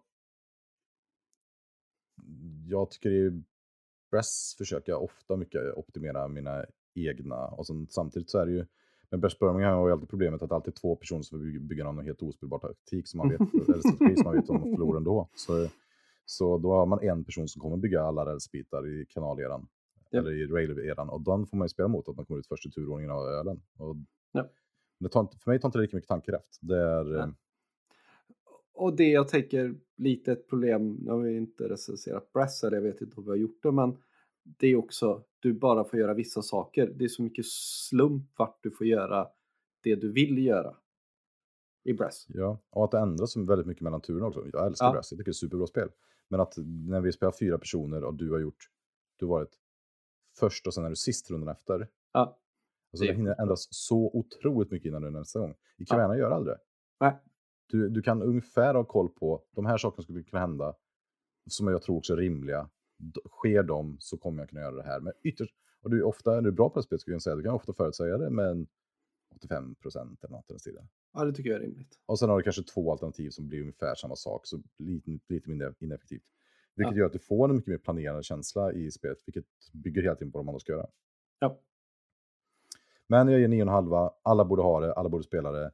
Och jag tycker, eh, gillar man worker placement överhuvudtaget någon gång, då tycker man ska, eller, eller tycker att det känns lite löst, då ska man spela det här och så ska man skaffa de här 100-110 poängen. Och de andra i gruppen ska helst få 4-5 poäng stiff. Då är det fantastiskt. Japp. Och planen är ju efter vi släpper det här avsnittet är ju att vi ska köra en turnering på BGA Oh, i det här för Tunga brädspelspodden. Eh, om det är jag som måste styra upp det eller om det är våra eminenta eh, vad heter det? Turnerings Jocke, turneringsanordnare som kommer rädda mig från den bördan. Det, det hoppas jag. Men för jag, sit, för jag sitter ju på ett ex för mycket som vi kommer lotta ut. Det var det som folk skulle vinna på nyårsspecialen, eller? Ja, det är ju samma. Vi fortsätter bara. Ja, så, så jag hoppas jag vinner igen, den här saken då, så att jag behåller spelet. Mitt Caverna som det ligger hemma hos dig. Ja, det vore fantastiskt. Ja, men det är väl Men- planen. Det Ja, var väl men- tänkt att det skulle vara en Agricola-turnering egentligen, men sen kom ju Caverna ut. Ja. Vad, Ska vi gå över och prata lite strategi och sånt med spelet? Eller har du någonting mer du ska säga om Caverna innan? eh, Nej, men spelare är ju skitbra. Nu finns det ju online också. Ja, vad tycker du om implementeringen? Eh, Jag har bara spelat det en eller två gånger. Tycker den är helt okej. Ja, men jag tycker Eh, den är bra. Ja, jag har inte provat att spela den i telefonen, men jag tror men den den borde funka. Ja. Den, det känns som att de har löst sådana ja. där bekymmer liksom. En av de bästa, det går att resetta alla runder och det Mm. är jättetydligt och man förstår ganska snabbt hur det funkar. Tycker den är klockren. Jag hade inte Mm. kunnat önska mig någonting bättre med den faktiskt. Ehm, men så, så då till er som har lyssnat på vårt Kaverna-avsnitt och Björn, se till att Mm. ni går in på Discord-servern som vanligt och se till att rösta så vi har bra stats till Björn, för Björn gillar stats. Japp. Och eh, det är auktion som vi håller på, bästa auktionsspelen. Och jag har ju eh, några stycken bra. Och det gäller Mm. då framförallt dig Martin då, som ska gå in och rösta här. Ja, precis, men det ska vi göra. Ja. Har du något annat som eh, du vill ta upp och säga? Nej, jag tänker det skulle bli kul att diskutera lite mer eh, strategigrejer. Boom! Då kör vi det. Hej då allihopa, ses och boom! Strategi. Okej Martin, vi ponerar. Du kommer till bordet. Vad har du tänkt på? Vad tycker du är viktigt? Vad är grundläggande strategin i Caverna för att bli bra på det först? Eh, overhang är ju det lättaste. Uh, startgrejen. Ja, men, om Alltså- vi tänker så här, för du pratade lite om det här med eh, vad heter det, vapen förut. Japp. Hur bra är vapen i spelet? För du sa ju att om man var själv så äger det. Ja, verkligen. Det är hur bra som helst. Ja. Uh, ett, är vi, ja, man säger vi tre spelarparti där alla tre har vapen. Då blir det lite meh. Mm. Det är så här, okej, det löser någonting. Eh, Ja. Får jag gå ut och kriga med min enda krigare så är väl det okej, men det är ingenting jag kommer så här kämpa för att få göra. Liksom. Och jag tycker det stora grejen är för att man lägger in kol och, och vi kan väl bara förutsätta att man kan spelet när vi pratar om det så vi inte behöver förklara. Så. Ja. Så jag gillar ju att aldrig ta kolrutan i spelet. Så att, jag, in- så att jag måste få så jag får antingen en plan så att jag kan få sju kol eller får Ja. sju kol. Så för att jag tycker att gå till vapenrutan, och för att den stora grejen i spelet är att den här rumskaparrutan är Mm. en ruta. Ja. Och jag tänker vi pratar om det i fyrspelsspelet för det är mycket lättare Ja. är ett standardspel. Eh, Det finns en imitationsruta också som kostar två mat och den är bra. Mm. Men att, att då kunna gå och bygga vapen, att gå och plocka typ en pumpa, två VP, en pumpa, någonting mer Ja. och sen bygga ett, ett rum. Det är grymt. Ja, det är grymt bra och det är så viktigt att kunna göra vid olika tillfällen. Mm. Just när de andra har sina vapengubbar går sent så kan du alltid gå med en av dina första som har sju kol och Ja. bara säkerställa att du får rätt rum. Precis. Ja, oftast så känns det väldigt skönt att ha någonting att göra med sina sju kol. Ja. Som oftast för oss blir släpandes om inte annat. Eh, Björn säger att vi upplevt om tre, och- även tre och en kör icke-krigare så vinner den ofta. Men om en kör krigare så vinner den garanterat. Mm. Eh, jag tycker så här att när, på tre då, om vi ska faktiskt ta upp lite om det då. Mm. Så tre är jättestor skillnad mot fyra. Jag har förlorat på Ja. tre nu när jag spelar mina fyrspelsstrategier på, på tre. Det är en runda kortare som gör Mm. jättestor skillnad för att ha många familjemedlemmar. Japp. Och man har jättelite sten i spelet. Ja, Eh, och kol är också ganska svårt att få fler än personer. Men det man alltid ska göra i spelet, det är att det är aldrig någon som får gå ensam vapen. För alla de personer som inte går vapen, de behöver plocka upp kol så att de kan gå in och störa och vid de här tillfällena bygga extra rummen. Det sker helt dynamiskt. Och då Mm. blir personen helt plötsligt inte själv på... Och de har ofta mycket lättare att få tag på rubiner också. Och Mm. går ut och fixar så att de kan gå före i turordningen. Ja. Så när vi spelar så det finns aldrig att någon person är själv. Utan det kommer alltid vara... Alla som har ska minst ha ett eller två vapen i spelet till slut skulle jag säga. Ja. Ja, jag håller med fullständigt. Eh, Det är väl någon gång man har lyckats så inte ha vapen. Liksom. Ja, och det finns ju ett, en vinstpoängbyggnad som ger 8 poäng som heter Prey Chamber som eh, ger 8 poäng om man inte har något vapen. Och den Ja. kostar två träd. Den är ju väldigt stark. Mm. Men det jag gillar är att gå Peaceful Cave, alltså två, en grön byggnad som tar bort dina vapen och får lika mycket mat. Ja, det kan precis. vara en väldigt stark endgame poängbyggnad för att du kan då liksom ta bort vä- 20 värde i vapen och 20 mat och sen betala mat du har resten av spelet. Ja. Och det tycker jag är bra. Men hur många familjemedlemmar tycker du man måste ha i spelet då? Eh, Det är fem man kan ha som vanligt max. Ja, va? precis. Jag tycker till typ näst sista rundan klarar du det ganska bra på fyra. Ja. Och Ja, men fast- precis. Ja, men Och- fyra, fyra må- ett minimum tycker jag. Man måste ha fyra. Mm. Och fem är bra och sex är bra. Mm. Just för att det finns den här broom shamen också. Så, Broom shamen är kanske en av spelets bästa poängbyggnader tycker jag. Den kostar en träd. Mm. Fem VP får de då fem dvärgar spelet till slut. Tionde av sex. Ja. Och så är det väl också det där att eh, efter någon vända så kan du ju både bygga rum och skaffa barn samtidigt. Ja, den är Så- ju en av spelets bästa brickor. Ja, precis. Och eh, det är ju ingen idé att skaffa fem före den har flippat. Nej, nej, men så är det ju. Att kunna bygga en dwelling, alltså de här vanliga orangea byggnaderna, Mm. och familjeöka är ju så otroligt starkt. Och det här tycker jag är någonting man försöker tajma in så att man först på, för den är ju superbra. Ja. Eh, Björn säger, när jag kör krigare så gillar jag att ha alla karaktärer som krigare på ungefär samma styrka och snabbt få upp så att alla har tillräckligt hög styrka så man inte bryr sig om vilken ordning man får spela dem. Ja, absolut. Går Mm. man jättemycket vapen och jag tycker det är väldigt svårt tycker jag att gå vapenstrategi. Det är ingen strategi jag gillar att ha så mycket vapen. Jag gillar mycket mer att ha fler med familjemedlemmar. Ja, det tycker jag om vi nu pratar eh, expansioner också om man spelar troll eller vad är de? Ja. Jättar eller någonting. Ja, trollen var helt sjuka. Ja, precis. Men du de får gjorde ju vapen på trä och kom in med en, för dubbla grejer. Eller var det ja, en extra? Ja, men du får ju inte ut något utav dem bra.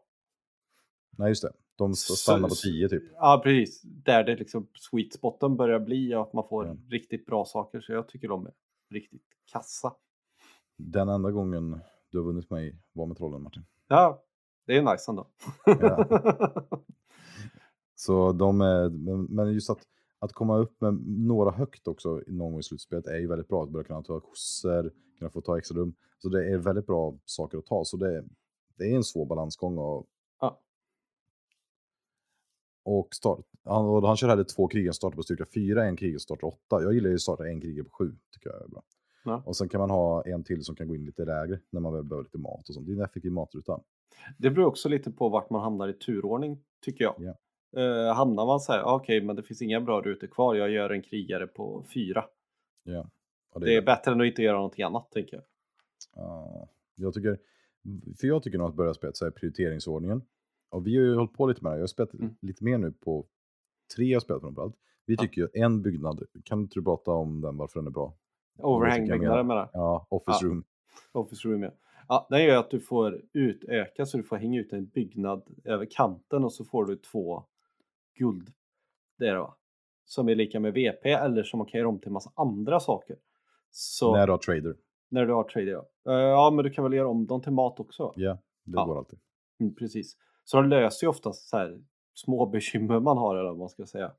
Men just att du får ha, ja det blir ju inte dubbelt så många men en fjärdedel, åt- hälften massa så mycket. ja. Ja. Gör ju ofantligt stor skillnad i vad du kan producera mat till exempel eller sätta ut gruvor invändigt och sådär. Den är ju sjukt bra. Alltså en, max, ens maxpoäng skjuter ju höjden. Ja.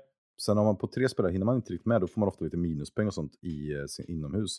Mm. Men då, en, då har man en benägenhet att tänka, oj, nu blir det jättedåligt för mig, för vi kan massa minuspoäng. Fast du gick, nettade fortfarande plus, för du fick ju två VP varje gång du hängde Ja, utöver. precis. Så, men den är super, super, super bra. Och jag ska säga, Ja. vi har tyckt att den är så bra att vi tycker att den enda strategi man kan bygga är att bygga den som första byggnad. Ja, tur ett tar den så man får alla, en av varje Supplies, resurs. Ja. Ja. precis. Och sen går man och köper den. Ja. Så är första rundan klar som starting player. Ja. Ja, Och, och det jag, jag har börjat fundera lite på, för den är ju superstark. Det Mm. som man gör är att man blir långsammare på familjemedlemmar. Ja.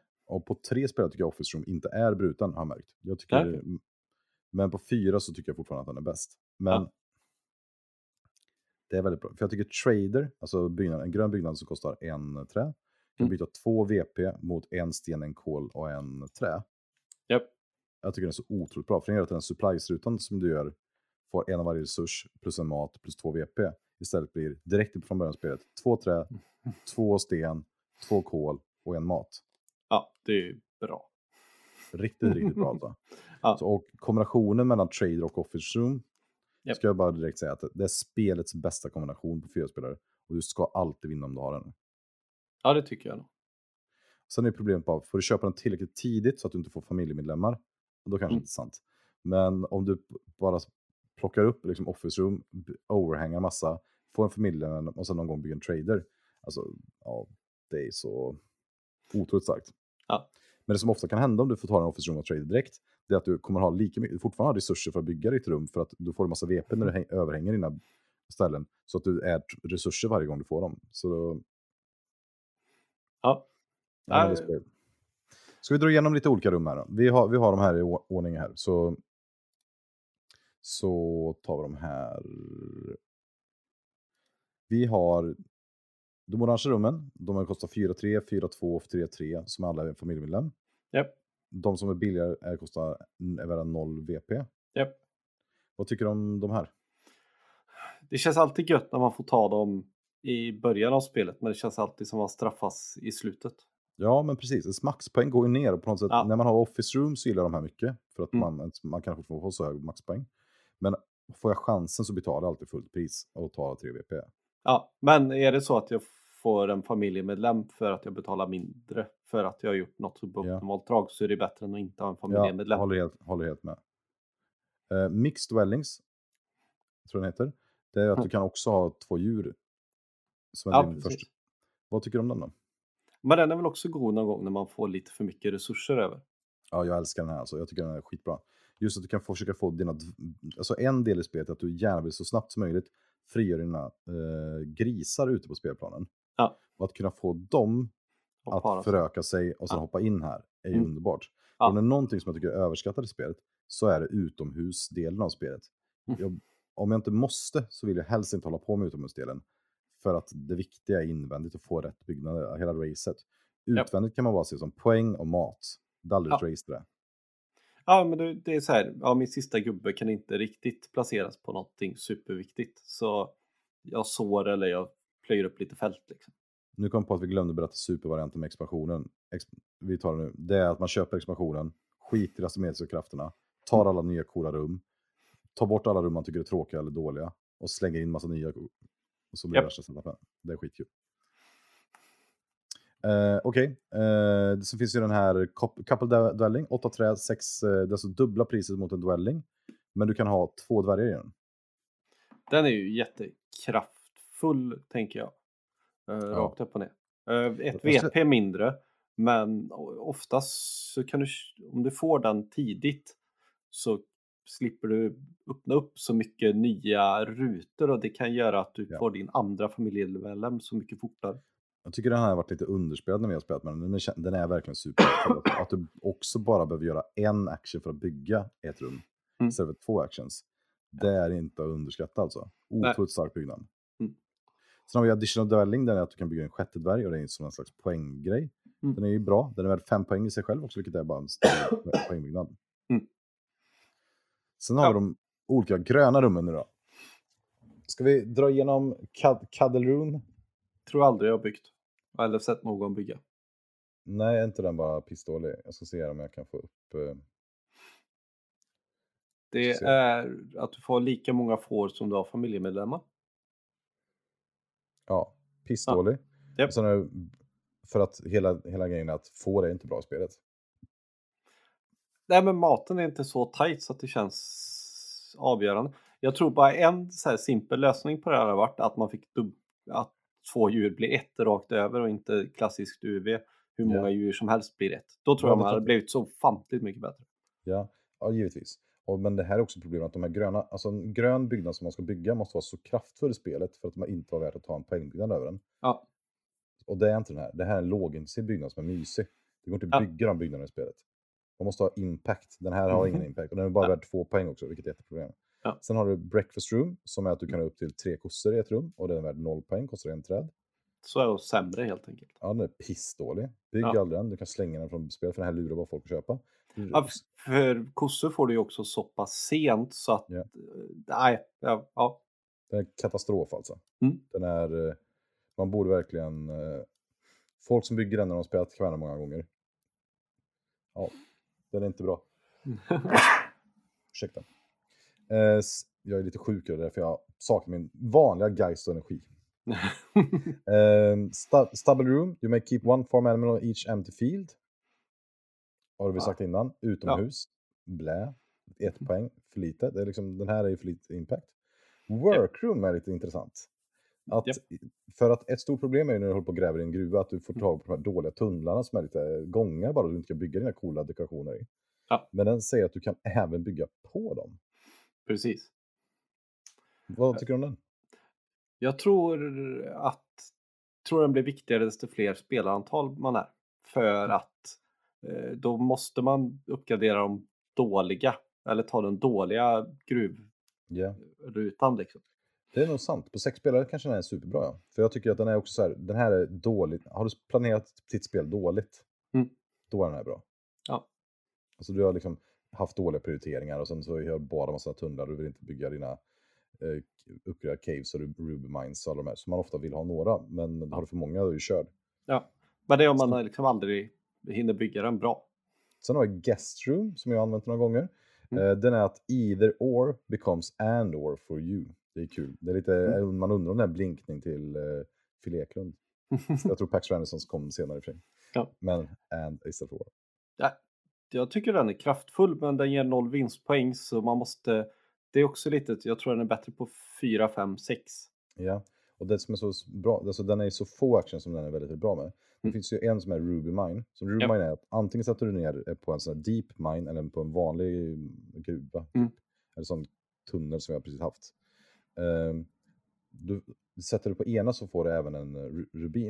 Mm. Men med den här då så får man göra båda. Så, kan- och en sån här Ruby Mine är värd 4 VP. Ja. Så har man den här guest room så kan du sätta ut liksom få 9 VP per tur om du har bara plats. Japp. Och den är ju väldigt kraftfull på 4 också när man har supplies, alltså en Mm. varje resurs, plus familjeökning. Ja. Men det har man inte på spe- 3, då finns inte den. Nej. Så den är superkass på 3 den här, helt ospelbar. Ja. Och den absolut bästa med den är också är ju bygga en dwelling och familjeöka, alltså den rutan vi pratade om, att den blir direkt. Ja. Så lyckas du sneaka in där vid rätt sida så kan man verkligen en temporäddare och en hel gameplan.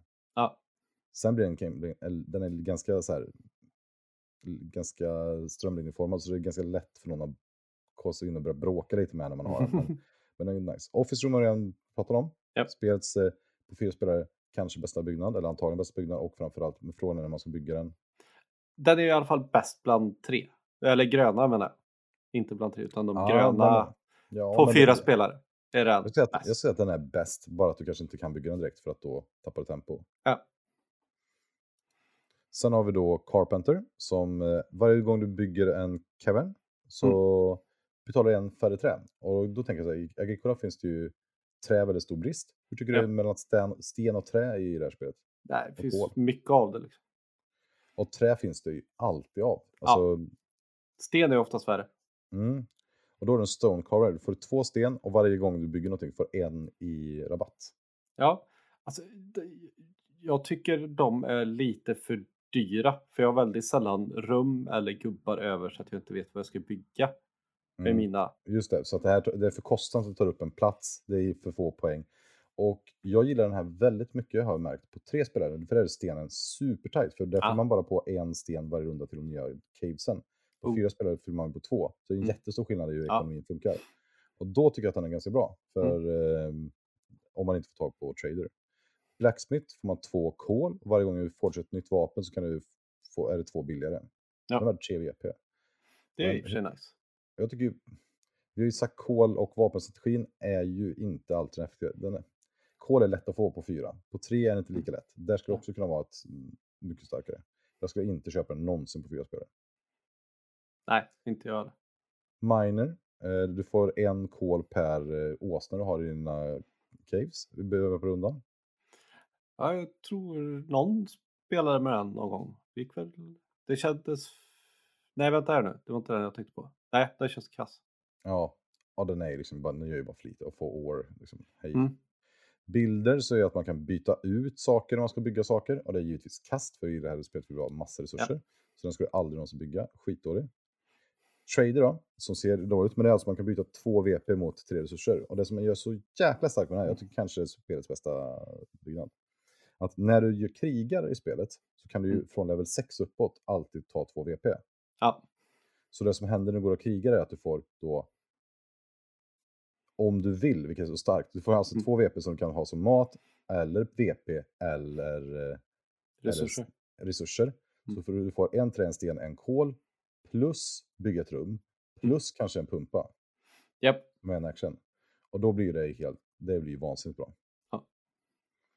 Sen har vi wood supplier, en trä, sju nästa rundorna. Mm.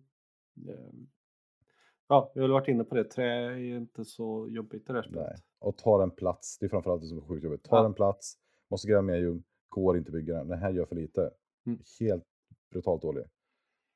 Uh, Stone Supplier, då får du sten. Ja, kanske på tre spelare. Fast jag tycker de här andra vi pratar om är mycket bättre. Så den här hade jag heller aldrig byggt.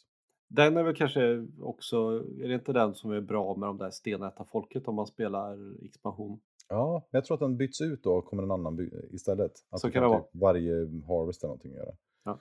Här med Ruby Supply, den har börjat byggas. Och den här tycker jag är väl rätt schysst. Den är 2-2. Och sen får du en rubin för början på fyra nästa rundorna. Ja, är du krigare så måste den här vara jättebra till exempel. Ja, verkligen. Mm. Och även om du bara har några höga få med många gubbar. Ja. Så att du får in lite rubiner. Som är nice med den är att den här är faktiskt värd 6 VP. Det står inte på den, men Nej. fyra tycker rubiner är som minst värt 4 extra VP. Mm. Och ofta kan du göra om det till bättre, annars har du spelat dåligt. Ja. Så den här tycker jag är, faktiskt är bra. Och den tar upp en plats. Den kan, vara, den kan vara viktig för folk. Det är som en techbyggnad. Liksom. Att den här är viktig när du får ha svårt att få tag på rubiner. Du Mm. har någon hög vapengubbe och du vill börja kunna börja pressa krigen i spelet. För Ja. när vapen, äventyrsfyran kommer i spelet, Ja, den är det, att du kan dra på äventyr och dra och göra fyra Japp. saker. Då måste man börja pressa den som spelar vapen. Då Ja. behöver man ha rubiner så att man kan tvinga den att antingen skaffa, måste du skaffa rubiner själv och Mm. ha bra turordning. För annars så är det för bra liksom. Ja. Sen har du Dog School, 0 VP. Du får en ny, träd för varje ny hund du får. nej, Pissdålig givetvis då. Den är till och med gratis att bygga, vilket är kul. Jag har aldrig sett någon bygga den. nej, inte jag tror. Quarry, då har vi en sten för en ny åsna. Ja, det, är, Mm. det är för lite. Men här Ja. kommer en som jag har sett folk bygga. Jag tror att den här kan vara framgångsrik. Du får en kol för varje ny sten du får. Okej. Och jag har även Yes. haft det med trader en gång. Så att man byter till sig två VP mot en kol, en sten, en trä. Då, eftersom du fick då, då får du en extra kol eftersom du då tog sten. Ja, precis. Och då är det lättare att gå ut med det, komma upp i 7-8. Ja, men då måste du också ha hur mycket techbyggnader som helst. Och det är ofta Ja. Men jag tror att det kan vara som en egen strat där, att man satsar på för att få massa kol extra. För då, Ja. på slutet av spelet kan man byta in kol och man kan ha det som VP. Ja. Jag, har inte- jag har inte utforskat den än så mycket, men jag, jag tror att den här kan nog vara en grej ändå. Mm. Sen har vi Slaughtering Cave. Man, det är den specialeffekten som eh, trollen har i expansionen. Du får plus ett varje djur som du äter upp. Oftast så tycker jag inte mat är stort bekymmer här. Så, men kanske om det expanderar jättefort Ja, exakt. så kan det vara bra. Det jag gillat med den här är att när man typ blir intvingad att ta typ så här fyra, fem får eller någonting för ingen har, Mm. ta, har tagit dem. Att faktiskt, så den, den är situationellt väldigt stark där tycker jag. Att man kan bygga Mm. den och börja mata upp. Och då får man liksom gå den stratten. Så det är, för mig är det en taktisk byggnad där. Det är ingen byggnad jag planerar från början att ta. Men jag tycker den är väldigt bra när, får, när tillfället ges på något sätt. Att det har Ja. fallit mig i, så den här har jag ofta utkik på. Så har du Cooking Cave. Du har två stenar. Och sen gör en pumpa och en kärve blir fem mat. Det här känns ju strikt mycket sämre än Food Chamber. Ja, och vi kommer till de andra snart. Men Ja, Det som är grejen med den här som jag tycker är problemet, för jag har sett folk bygga den här. Jag, jag fattar att folk tycker, gillar den här. Men mitt problem är här att de här resurserna vill ofta mata med, men en pumpa i sig är värd två mat och en kärve är värd en mat. Japp. Så du plussar egentligen två mat bara på, och då bygger du den här och sen vill du egentligen så dem. Jag vet inte, jag tycker den är li- lite underwhelming. In, den är okej alltså, men jag bygger den extremt sällan, om än aldrig. Ja. Eh, working cave, då kan man äta istället träd, sten eller kol med bara Mm. en dvärg. Ja, lite tillbaka till det här. Ja. Fortfarande, mat är inte... Hade den funnits i Agricola så hade den varit hur bra som helst. Och den här är ju, gör ju för lite bara. Det är, bara, Ja. det är bara för lite. Det går inte att bygga de här byggnaderna. Eh, mining cave, reducing feeding cost by one. En mat per varje åsna du har. Mm. Ehm, I en mine. Så du kan inte ha dem stående var som helst heller. nu missar vi hur många meddelanden som helst här av eh, Björn här nu. Han, han säger att jag har rätt där så vi måste ta reda på vad det är för något. Ehm, jag säger, är du säker på att det verkligen triggar? Uh, fel av mig, Guestroom funkar med Urgent Wish, ja precis. Och Urgent Wish Family är ju också kul för då får du tre VP utöver också, vilket är Mm. en bonus på slutet. Så Bygga hus, familjeökning och tre VP, det är nice. Ja. Eh, sen har vi Breeding Cave. Eller vad tycker du Ja. om Mining Cave? nej, jag, nej. Nej, kass alltså. Breeding Cave, varje an- animal du breedar, det är intressant, det kostar en kärv och en sten. Så får du en, två, tre eller fem käk. Återigen, svårt att göra om mat till VP. Ja, och hela den här grejen, då- måste jag satsa på massa på, det är de typ spelet har varit tio turer till, eller tre turer till. Att så här, nu ska jag satsa på massa djur och ha ute dem och sen ska de då ge mig reducering. Det här är liksom så här motorbyggande, så man blir lurad av det här. Ja, Det, Jag tänker att det är skönt om man nu har alla djuren och vill inte slakta av dem på något sätt. Känns mer skönt än bra. Ja, men precis. Mm. Uh, Peaceful Cave, och det här är som jag pratade om förut, situationell. Du kan Mm. trada av dina vapen för en mot en ratio. Och superbra i vissa lägen i spelet. Jag, Ja. jag bara tycker att den här känns väldigt underskattad. Just som du säger Martin, att i slutet på spelet så kan det verkligen vara som så att du blir av med hur mycket vinstpoäng som helst i mat. Mm. Och den här kan verkligen rädda en. Så den här har jag ofta i mina builds som en möjlig så här, slutgrej beroende på hur de här gula byggnaderna fått ut. Ja, Sen har vi Weaving Parlor. Du får ett VP per två får, alltså du får ett halvt poäng per får. Sen när du bygger den så får du en mat per får du har. Den känns svag. Men Ja. det är ju bättre än inget. Ja, men då har du helt enkelt plötsligt satsat på en fårstratt och då vet vi bara, mm, Ja, eller jag tänker den är väl också lite så här situationell. Den kan Ja. ju, det är så här, okej, vad... Är den bättre än tre poäng som den här rutan ger? Ja, fine. Ja, jo, men så kan det ju faktiskt vara ibland. Det Ja. kan det verkligen vara. Och sen har man ju hunt, vi hoppar till Milking Parlor. Den här är då, tycker jag, en av de riktigt bra i den här. Den här är jättebra den här, tycker jag. Eh, just för att kossor är väldigt starka, att de ger jättemycket mat. Men Mm. att du får ett VP per kossa som du har, är som Mm. en egen sätt att vinna. Den här har jag haft som ger 10 poäng till exempel. Ja, det är starkt. Eh, men också att du får en mat per kossa du har. Så att du kan Ah. bygga den i en runda när du har Alltså, du kanske har fem, sex kossor och då fixa den eh, maten, slippa sa- slakta dem och sen börja bygga fler kossor. Det, den, den brukar bli väldigt så, mid-game så är den här väldigt, den klistrar ihop stratten. Ja. För att inte tala om det så kommer vi typ till ett av de spelets bästa byggnader här nu tycker jag. Så man måste bygga sin stratt. Alla, alla strats måste byggas runt den här. Och det är då State Parlor. Och den är ju... Eh, den kostar 3 sten 5 VP, vilket 5 VP är väldigt svårt för många att få om du inte har trader eller går på äventyr. Det är svårt att få det. Ja. Men, och sen får du två mat per dwelling, alltså orangea hus som ligger angränsande, alltså Mm. ortogonalt. Så du vill alltid, så därför är det så att alla måste i spelet alltid bygga sina dwellings så att de har möjlighet att köpa state parlor och den är effektiv för dem. Ja. För annars är den personen som har planerat bra och byggt det här så kommer den vara supereffektiv och typ spelets bästa byggnad. I alla fall bästa poängbyggnad. ja, det är fyra poäng va, för varje. Så Ja, så den kostar ju 5. Så, så max kan ju ge 4, 8, 12, 16 minus 5, 11 poäng. Men Ja. också då att du får 8 mat när du bygger den. ja, Så det är 8 mat för 3 sten och 11 poäng. Det är ju Ja. galet. Sen har vi Hunting Parlor, två träd. Mm. Och när du vill före du skålar kan du byta bort två grisar för att få två VP och två food. mat. Ja, istället för är vä- fyra mat då. Som två Ja, grisar ungefär. Ja, precis. Eller då 2 VP. Mm. Så jag fattar inte den här. Jag tycker den är superkonstig. Men jag tror det är så, har du slaktat två grisar så har du fått fyra mat. Så här är väl någonstans att du gör om det till två VP och två mat. Ja. Som... Så, så för mig är den då pissdålig. Alltså, hade den här istället gett att du kan offra de här för att få fyra mat och två VP, Ja, det ja. då hade det gett någonting. Men här är Ja. det bara att du byter in. Den här är helt ospelbart. Köp den aldrig någonsin. Eh, beer parlor. Man- Två, två mat, eh, två trä. Du kan byta två kärvar mot tre VP eller fyra mat. Den brukar ju vara nice. Ja, alltså stört bra alltså. Ja. Den här planerar man ju få. Det jag tycker jag är Mm. spelets bästa matbyggnad. Japp. Och så att kärvarna som man kan få jättemånga av helt plötsligt blir värda två matstygg. Och sen på slutet, det vi pratar om, när Mm. ska man konvertera? Den här byggnaden fixar spelet åt en. Japp. Först tar du bara mat, sen tar du bara VP. Så det är Mm. klart liksom. Blacksmith Parlor bygger jag aldrig. Eh, tre kol och du kan byta om rubiner som du aldrig vill ha kvar på slutet för de vill ha gjort något annat med. Och kol till vin- vildspoäng. Oh, Ja. bygg, bara, bygg aldrig den. Den hade ju typ varit nice om du har typ tre kol eller två kol eller bara Ja. kol liksom. Ja. Japp.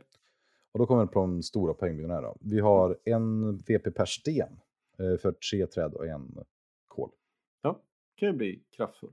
Ja, typiskt situationell. Man har den i planen. Har jag till exempel spelat Office Room där jag måste gräva massor och få massor sten, då är den här väldigt bra. Ja. Och den är väldigt dålig ofta för väldigt många personer. Mm. Så jag tycker att det är en sån byggnad som jag ofta kan spara till sist och köpa. Ja, när man ska lösa de sista vinstpoängen. Ja. Mm. Och då kan den ändå ge 8-9 poäng. Liksom. Mm. Vilket är väldigt mycket. Uh, storage, man får ett VP per två kol. Ja, om du nu har samlat på dig massa kol och inte gjort om dem till vapen så kan ju det här kanske vara bra. Men oftast så känns det som att du kan göra bättre med kolen. Ja, men och det är ju det som är svårt. I slutet på spelet finns ju den här rutan där du kan byta in sex kol för att få sex VP och fyra mat som är så himla stark. Mm. Men jag tror också, skulle du spela den här Simen och ha som Mm. strategi att få mycket kol, så är det här ändå en byggnad som kan ge. Jag, min, vi har ju haft, din fru spelar ju alltid kolstrategier och vapenstrategier. Mm. Och det var ju svårt för henne att komma upp över 80-90 poäng. Japp. Men sen kanske det berodde på att hon inte spelat lika mycket som oss i övrigt. Men jag- vad jag har sett så är kol är ingen vinnande strategi som grundstrategi. Och få mycket kol måste du börja ta andra actionrutor. Så för mig är inte det här en till rätt strategi. Det, har- det skulle kunna vara. Sen har vi ett intressant kort här. Ett, en byggnad som är ospelbar. Två träd. När du vill för scoren kan du byta tre olika resurser, eller de tre resurserna mot två VP. Ja. Och det är som alla sådana spel. Du vill inte ha resurserna på slutet, då har du planerat dåligt. Ja. Men det som är intressant är att det finns en evighetskombo här. Ja, just det. Så har du tradern här kan du göra hur många som helst. Mm. Bara fram och tillbaka händer ingenting. Men har du noll oss- som spelar jag. Ja, men har du sim då istället, som gör att du får en kol varje gång du får en sten, Ja, just det. så får du evigt med eh, kol. Alltså du tänker, om man köper de tre då så har man vunnit spelet. Ja, och det vet jag att det finns någon slags errata på som är superkomplicerad. Hur man ska få till det, att man bara får använda en gång eller ja, den är Ja. skitkonstig. Så man får helt enkelt inte köpa dem och spela dem ihop. Säga. Men eh, det står där online också. A player who has already built a trade and decides to build a spare part storage as well must place his spare part storage on top of the trader, thus overbuilding the trader. ja, så är de. Lite konstigt. Ja, Sen har vi main- storage. Två, den här känns alltid dyr. Eh, två träd, en sten. Man får två VP per gul byggnad. mm, kan vara jättemycket poäng. Ja, det här är en av dem som jag gillar. De har vi börjat br- bråka om mycket nu på sista tiden. Ja. Den här. För att den är ju då som man vill vara i kavernen. Att du vill ju alltid vara generell Mm. tills du vet vad alla låst in på. Då kan du Ja. bli specialist. För då kan Ja. du veta här. Okej, vi tävlar om de, typ, de här två byggnaderna. Jag ska vara först på dem och sen tar jag de andra, andra generella byggnaderna sist. Men den här, därför har det blivit konstigt för då har folk börjat tävla om de generella byggnaderna för att det är så effektivt att spela på det sättet. Ja. Så den här tycker jag är en av spel- spelets bästa byggnader. Den är ofta värd 8 poäng. Ja, precis. Och då kanske man kan bygga en hunting parlor lite så här random för att få för att den två värd till. Nej, då bygger Nej, man kanske är för dålig då, men eh, Parlor, State Parlor och sen så skrattar man åt. Eh, nej men så den är superbra. Weapon Storage, tre träd, två sten, tre VP per, eh, per vapen. Så kan ge 15, 18 poäng max. 18 då. Och den här är ju riktigt bra. Det är liksom ett sätt för att få växla ut sina poäng. Och den Mm. är alltid krig om. För den är ofta väl, för en person som, då, som jag då, som inte brukar spela enbart vapen, får jag tag i main storage och sen Mm. kommer jag på slutet att kunna skaffa tre vapen. Mm. Ett lågt bara för att få lite VP. Då är den här byggnaden värd 9 poäng. Japp. Plus då 2 poäng från main storage, så 11 poäng då. Ja. Så den här måste man bygga ganska tidigt man är äventyrare, vapenperson. Ja. För folk kommer vilja plocka upp den. Sen har vi supply storage, tre mat, en sten. Eh, har du vapen på alla dina gubbar, 8 poäng. Mm. Och den gillar vi antar jag. Ja, det känns väl som en sämre weapon storage. Ja, ja precis. Fast också inte lika, den är inte lika hetsig att skaffa då. Nej. Så om man till exempel väljer med de här, så ska man alltid försöka bygga weapon storage först. För supply storage är något helt annat grej, att folk med sex dvärgar ska skaffa vapen på alla. Skitsvårt. Mm. Så jättestark rekommendation. Sen kommer vi till Broom Chamber som vi pratade lite innan om. En trä kostar bara den. Alltså den är så volatil. Fem eh, arbetare, sex arbetare, fem eller tio poäng. Japp. Som är superbra. Den här är ju Ja. super, superbra. Och har man då mm, main storage så är den värd 12 poäng och sex arbetare. Ja, då börjar vi prata. prata. Treasure Chamber, 1 VP per rubin extra. Mm. Vad tycker du om den? Ja, som sagt var, oftast så vill jag göra om mina rubiner till någonting annat. Men det går ju Ja. säkert att få in någon sån här strategi där du får massa rubiner när du kör Nej. den där either and or grejen. Jag tror Ja. inte det, men det är oftast Nej. har jag inga rubiner kvar. Nej, det är dåligt planerat och den kan vara situationellt bra. Är den det så är det planerat dåligt skulle jag säga. Mm. Byts den ut mot de här eh, som man kan odla? Fake-rubinerna. Eh, det är intressant det kan det säkert göra. För annars tänker jag att där kan den ju faktiskt bli bättre då. Ja, just det. För Martin pratar om i expansionen finns det att du kan plantera fake-rubiner som funkar som rubiner Ja. utomhus. Och de, då, då blir det här ju bättre givetvis. Mm. Vad du om Food Chamber då? Den är 2 VP för varje kombination av eh, pumpa och kärva. då. Ja, jag ty- tycker nog att om topp 3-kortet i spelet i alla fall. Ja, en av de starkaste poängvinnarna, Ja. absolut. Va? Och hela strategier, så är man Ja. utomhus mycket, då här är ju den man ska ha. Verkligen. Men den är också bra. brutalt dyr. Alltså att betala två Ja. pumper när du bara vill ha pumper ute, Mm. det är ett jäkla straff alltså. Ja. Men jag tänker det kan även vara bra sådär, alltså det går rätt så fort om du nu krigar, få upp fem pumper och fem kärvar lite sådär Ja. på random krig bara. Så, Ja, ja, då är det absolut. 10 VP och så, då är det liksom bra. Ja, absolut. Men vi har ju också sett folk som får 20, 28, alltså 24 VP Ja. på bara den här. Och den är ju verkligen en egen, det här är egen spel att spela på och den här är väldigt, väldigt bra. Men jag tänker den kan man plocka upp ändå. Även om Ja. man inte har satsat fullt ut på det för att det kan ge tillräckligt många poäng. Och det är därför det är så stressigt att man ska skaffa den. Ja. För att man vet att folk kan plocka den för att få 6, 8, 10 poäng. Ja. För att den fortfarande är bra. Men Mm. att man måste skynda. Och det är det som är jobbigt med den strategin. Och det är därför också jag gillar Beer Parlor bättre. Att den ger mat först. Ja. Och då har du bara massa kärvar. Då får du strunta i pumpen nästan. Mm. Så ibland hamnar man i bara, jag har jättemycket kärvar, kanske vill ha food chain. Bara, Nej, det är bättre att bara Beer Parlor och satsa på Ja. det andra. Och har man beer parlor, då med pumporna ska man då äta upp dem som mat istället för att försöka få food chain, skulle jag säga. Ja. Prey Chamber, eh, 8 VP om du har någon eh, äventyrare. Ja. Stabil liksom. Ja, framförallt om man kör den där som vi pratade om förut, när man kan konvertera vapen till Ja, mat. Liksom. Cave, Ja. Den är nice. Ja, men verkligen. Sen har vi Writing Chamber, Leos favorit. Mm. Eh, Leo har ju vunnit mot mig nu på tre spelare några gånger. Väldigt deprimerande, men han har blivit Mm. bra nu. Eh, två stenar, ta bort upp till 7 VP, minuspoäng. Jag, jag, jag skulle inte säga att den är askass. Vad säger inte, eller bra, säger jag? Nej, den är askass. Ja, men den är ju, den är ju kass när spelet har, den är ju bra när spelet gått dåligt. Ja, precis. Men då har man ju... Man ska ju inte Ja. hamna där. Nej, men det är, det är märkt, värt det. det är märkt det på tre spelare när man spelar ganska mm, bra mot Mm. varandra. Då är det ganska lätt att man inte hinner fylla upp sina gårdar och så vidare. Ja. Jag har ju inte spelat så mycket på tre Nej. så... Och då kan den här vara värd att bygga. Ja. Den är extra om man har main storage, men då kan den vara väldigt poängeffektiv. Men är Mm. jobbigt med den här att kosta två sten framförallt, vilket gör Ja. att den här droppar. Liksom.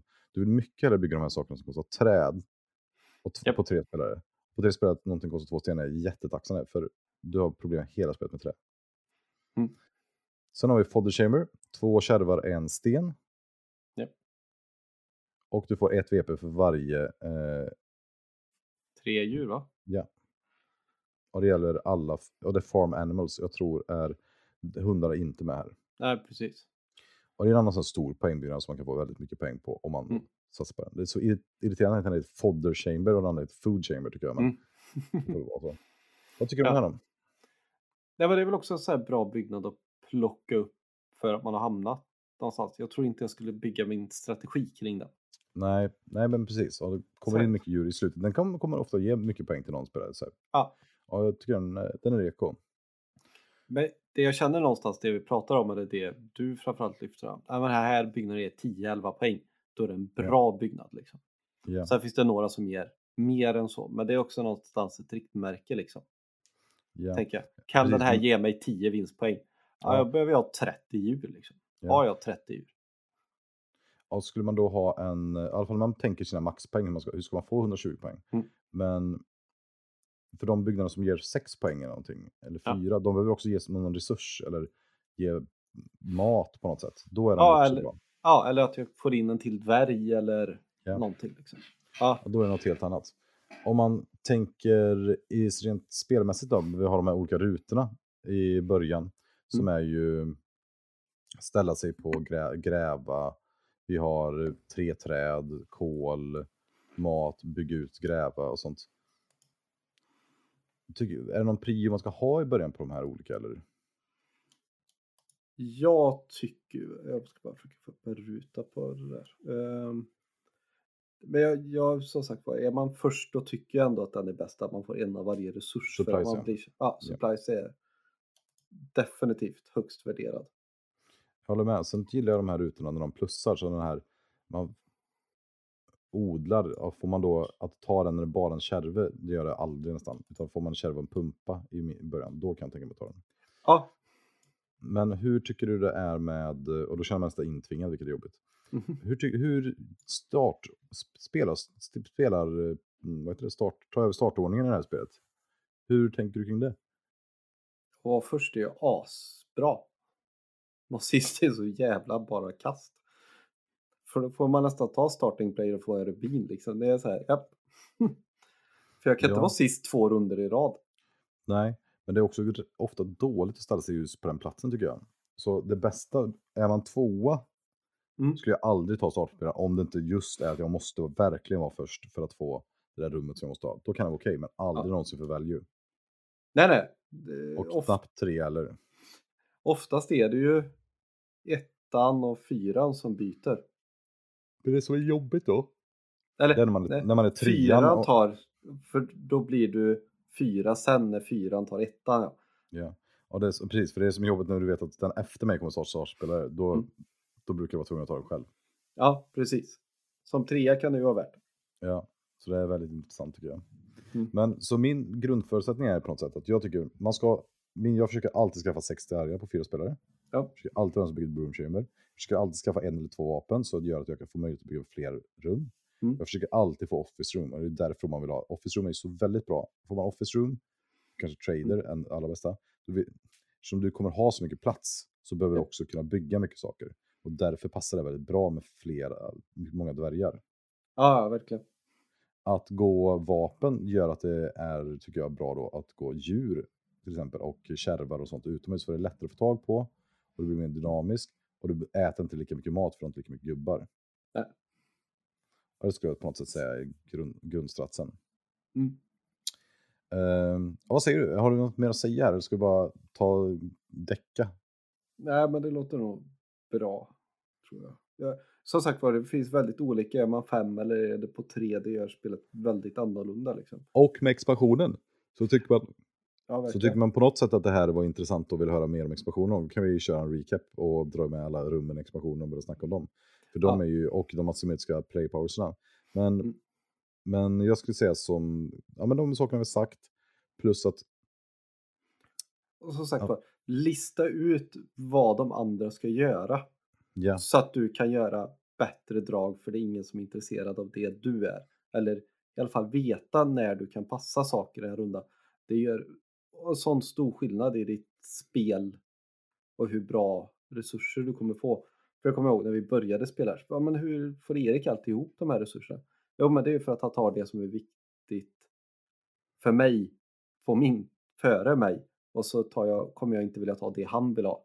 Det är Just det, för då tar du andra valet. När jag tar Precis. sex träd så tar du tre träd Ja, precis. istället för att ha stenen direkt efteråt. Ja. Ja, Ja, det är en jätteviktig aspekt faktiskt. Ja. Och det är en jätteviktig avvägning på något sätt. För att Mm. det är många gånger man bara, oj jag har supermycket träd.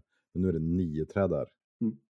Och min, jag brukar ofta, är det någonting som har blivit väldigt, väldigt mycket av, Mm. det är lätt att göra av resurser i spelet. ja, det är ju inte som fisk i Le Havre. Liksom. Nej men precis. Så jag brukar nog bli girig och ta de här alla. Jag tror det är rätt. Ja, det kanske gör att man inte måste ställa sig på trä resten av spelet. I värsta fall kan du bygga staket för det som Ja. ger vinstpoäng. Liksom. Ja men precis. Och det som är nice när man bygger mycket staket så är det att nästan varje sak du har på hela brädet blir värt poäng. Ja, Dina mines värd 3, f- f- 4 poäng, alla dina byggnader är värda en massa poäng. Ja. Och även de andra. Så det, jag tycker det är bra. Men, men det var grundkursen till Cavernas. Det blir en turnering, får man se om man tar oss. Japp. Eh, det blir superspännande.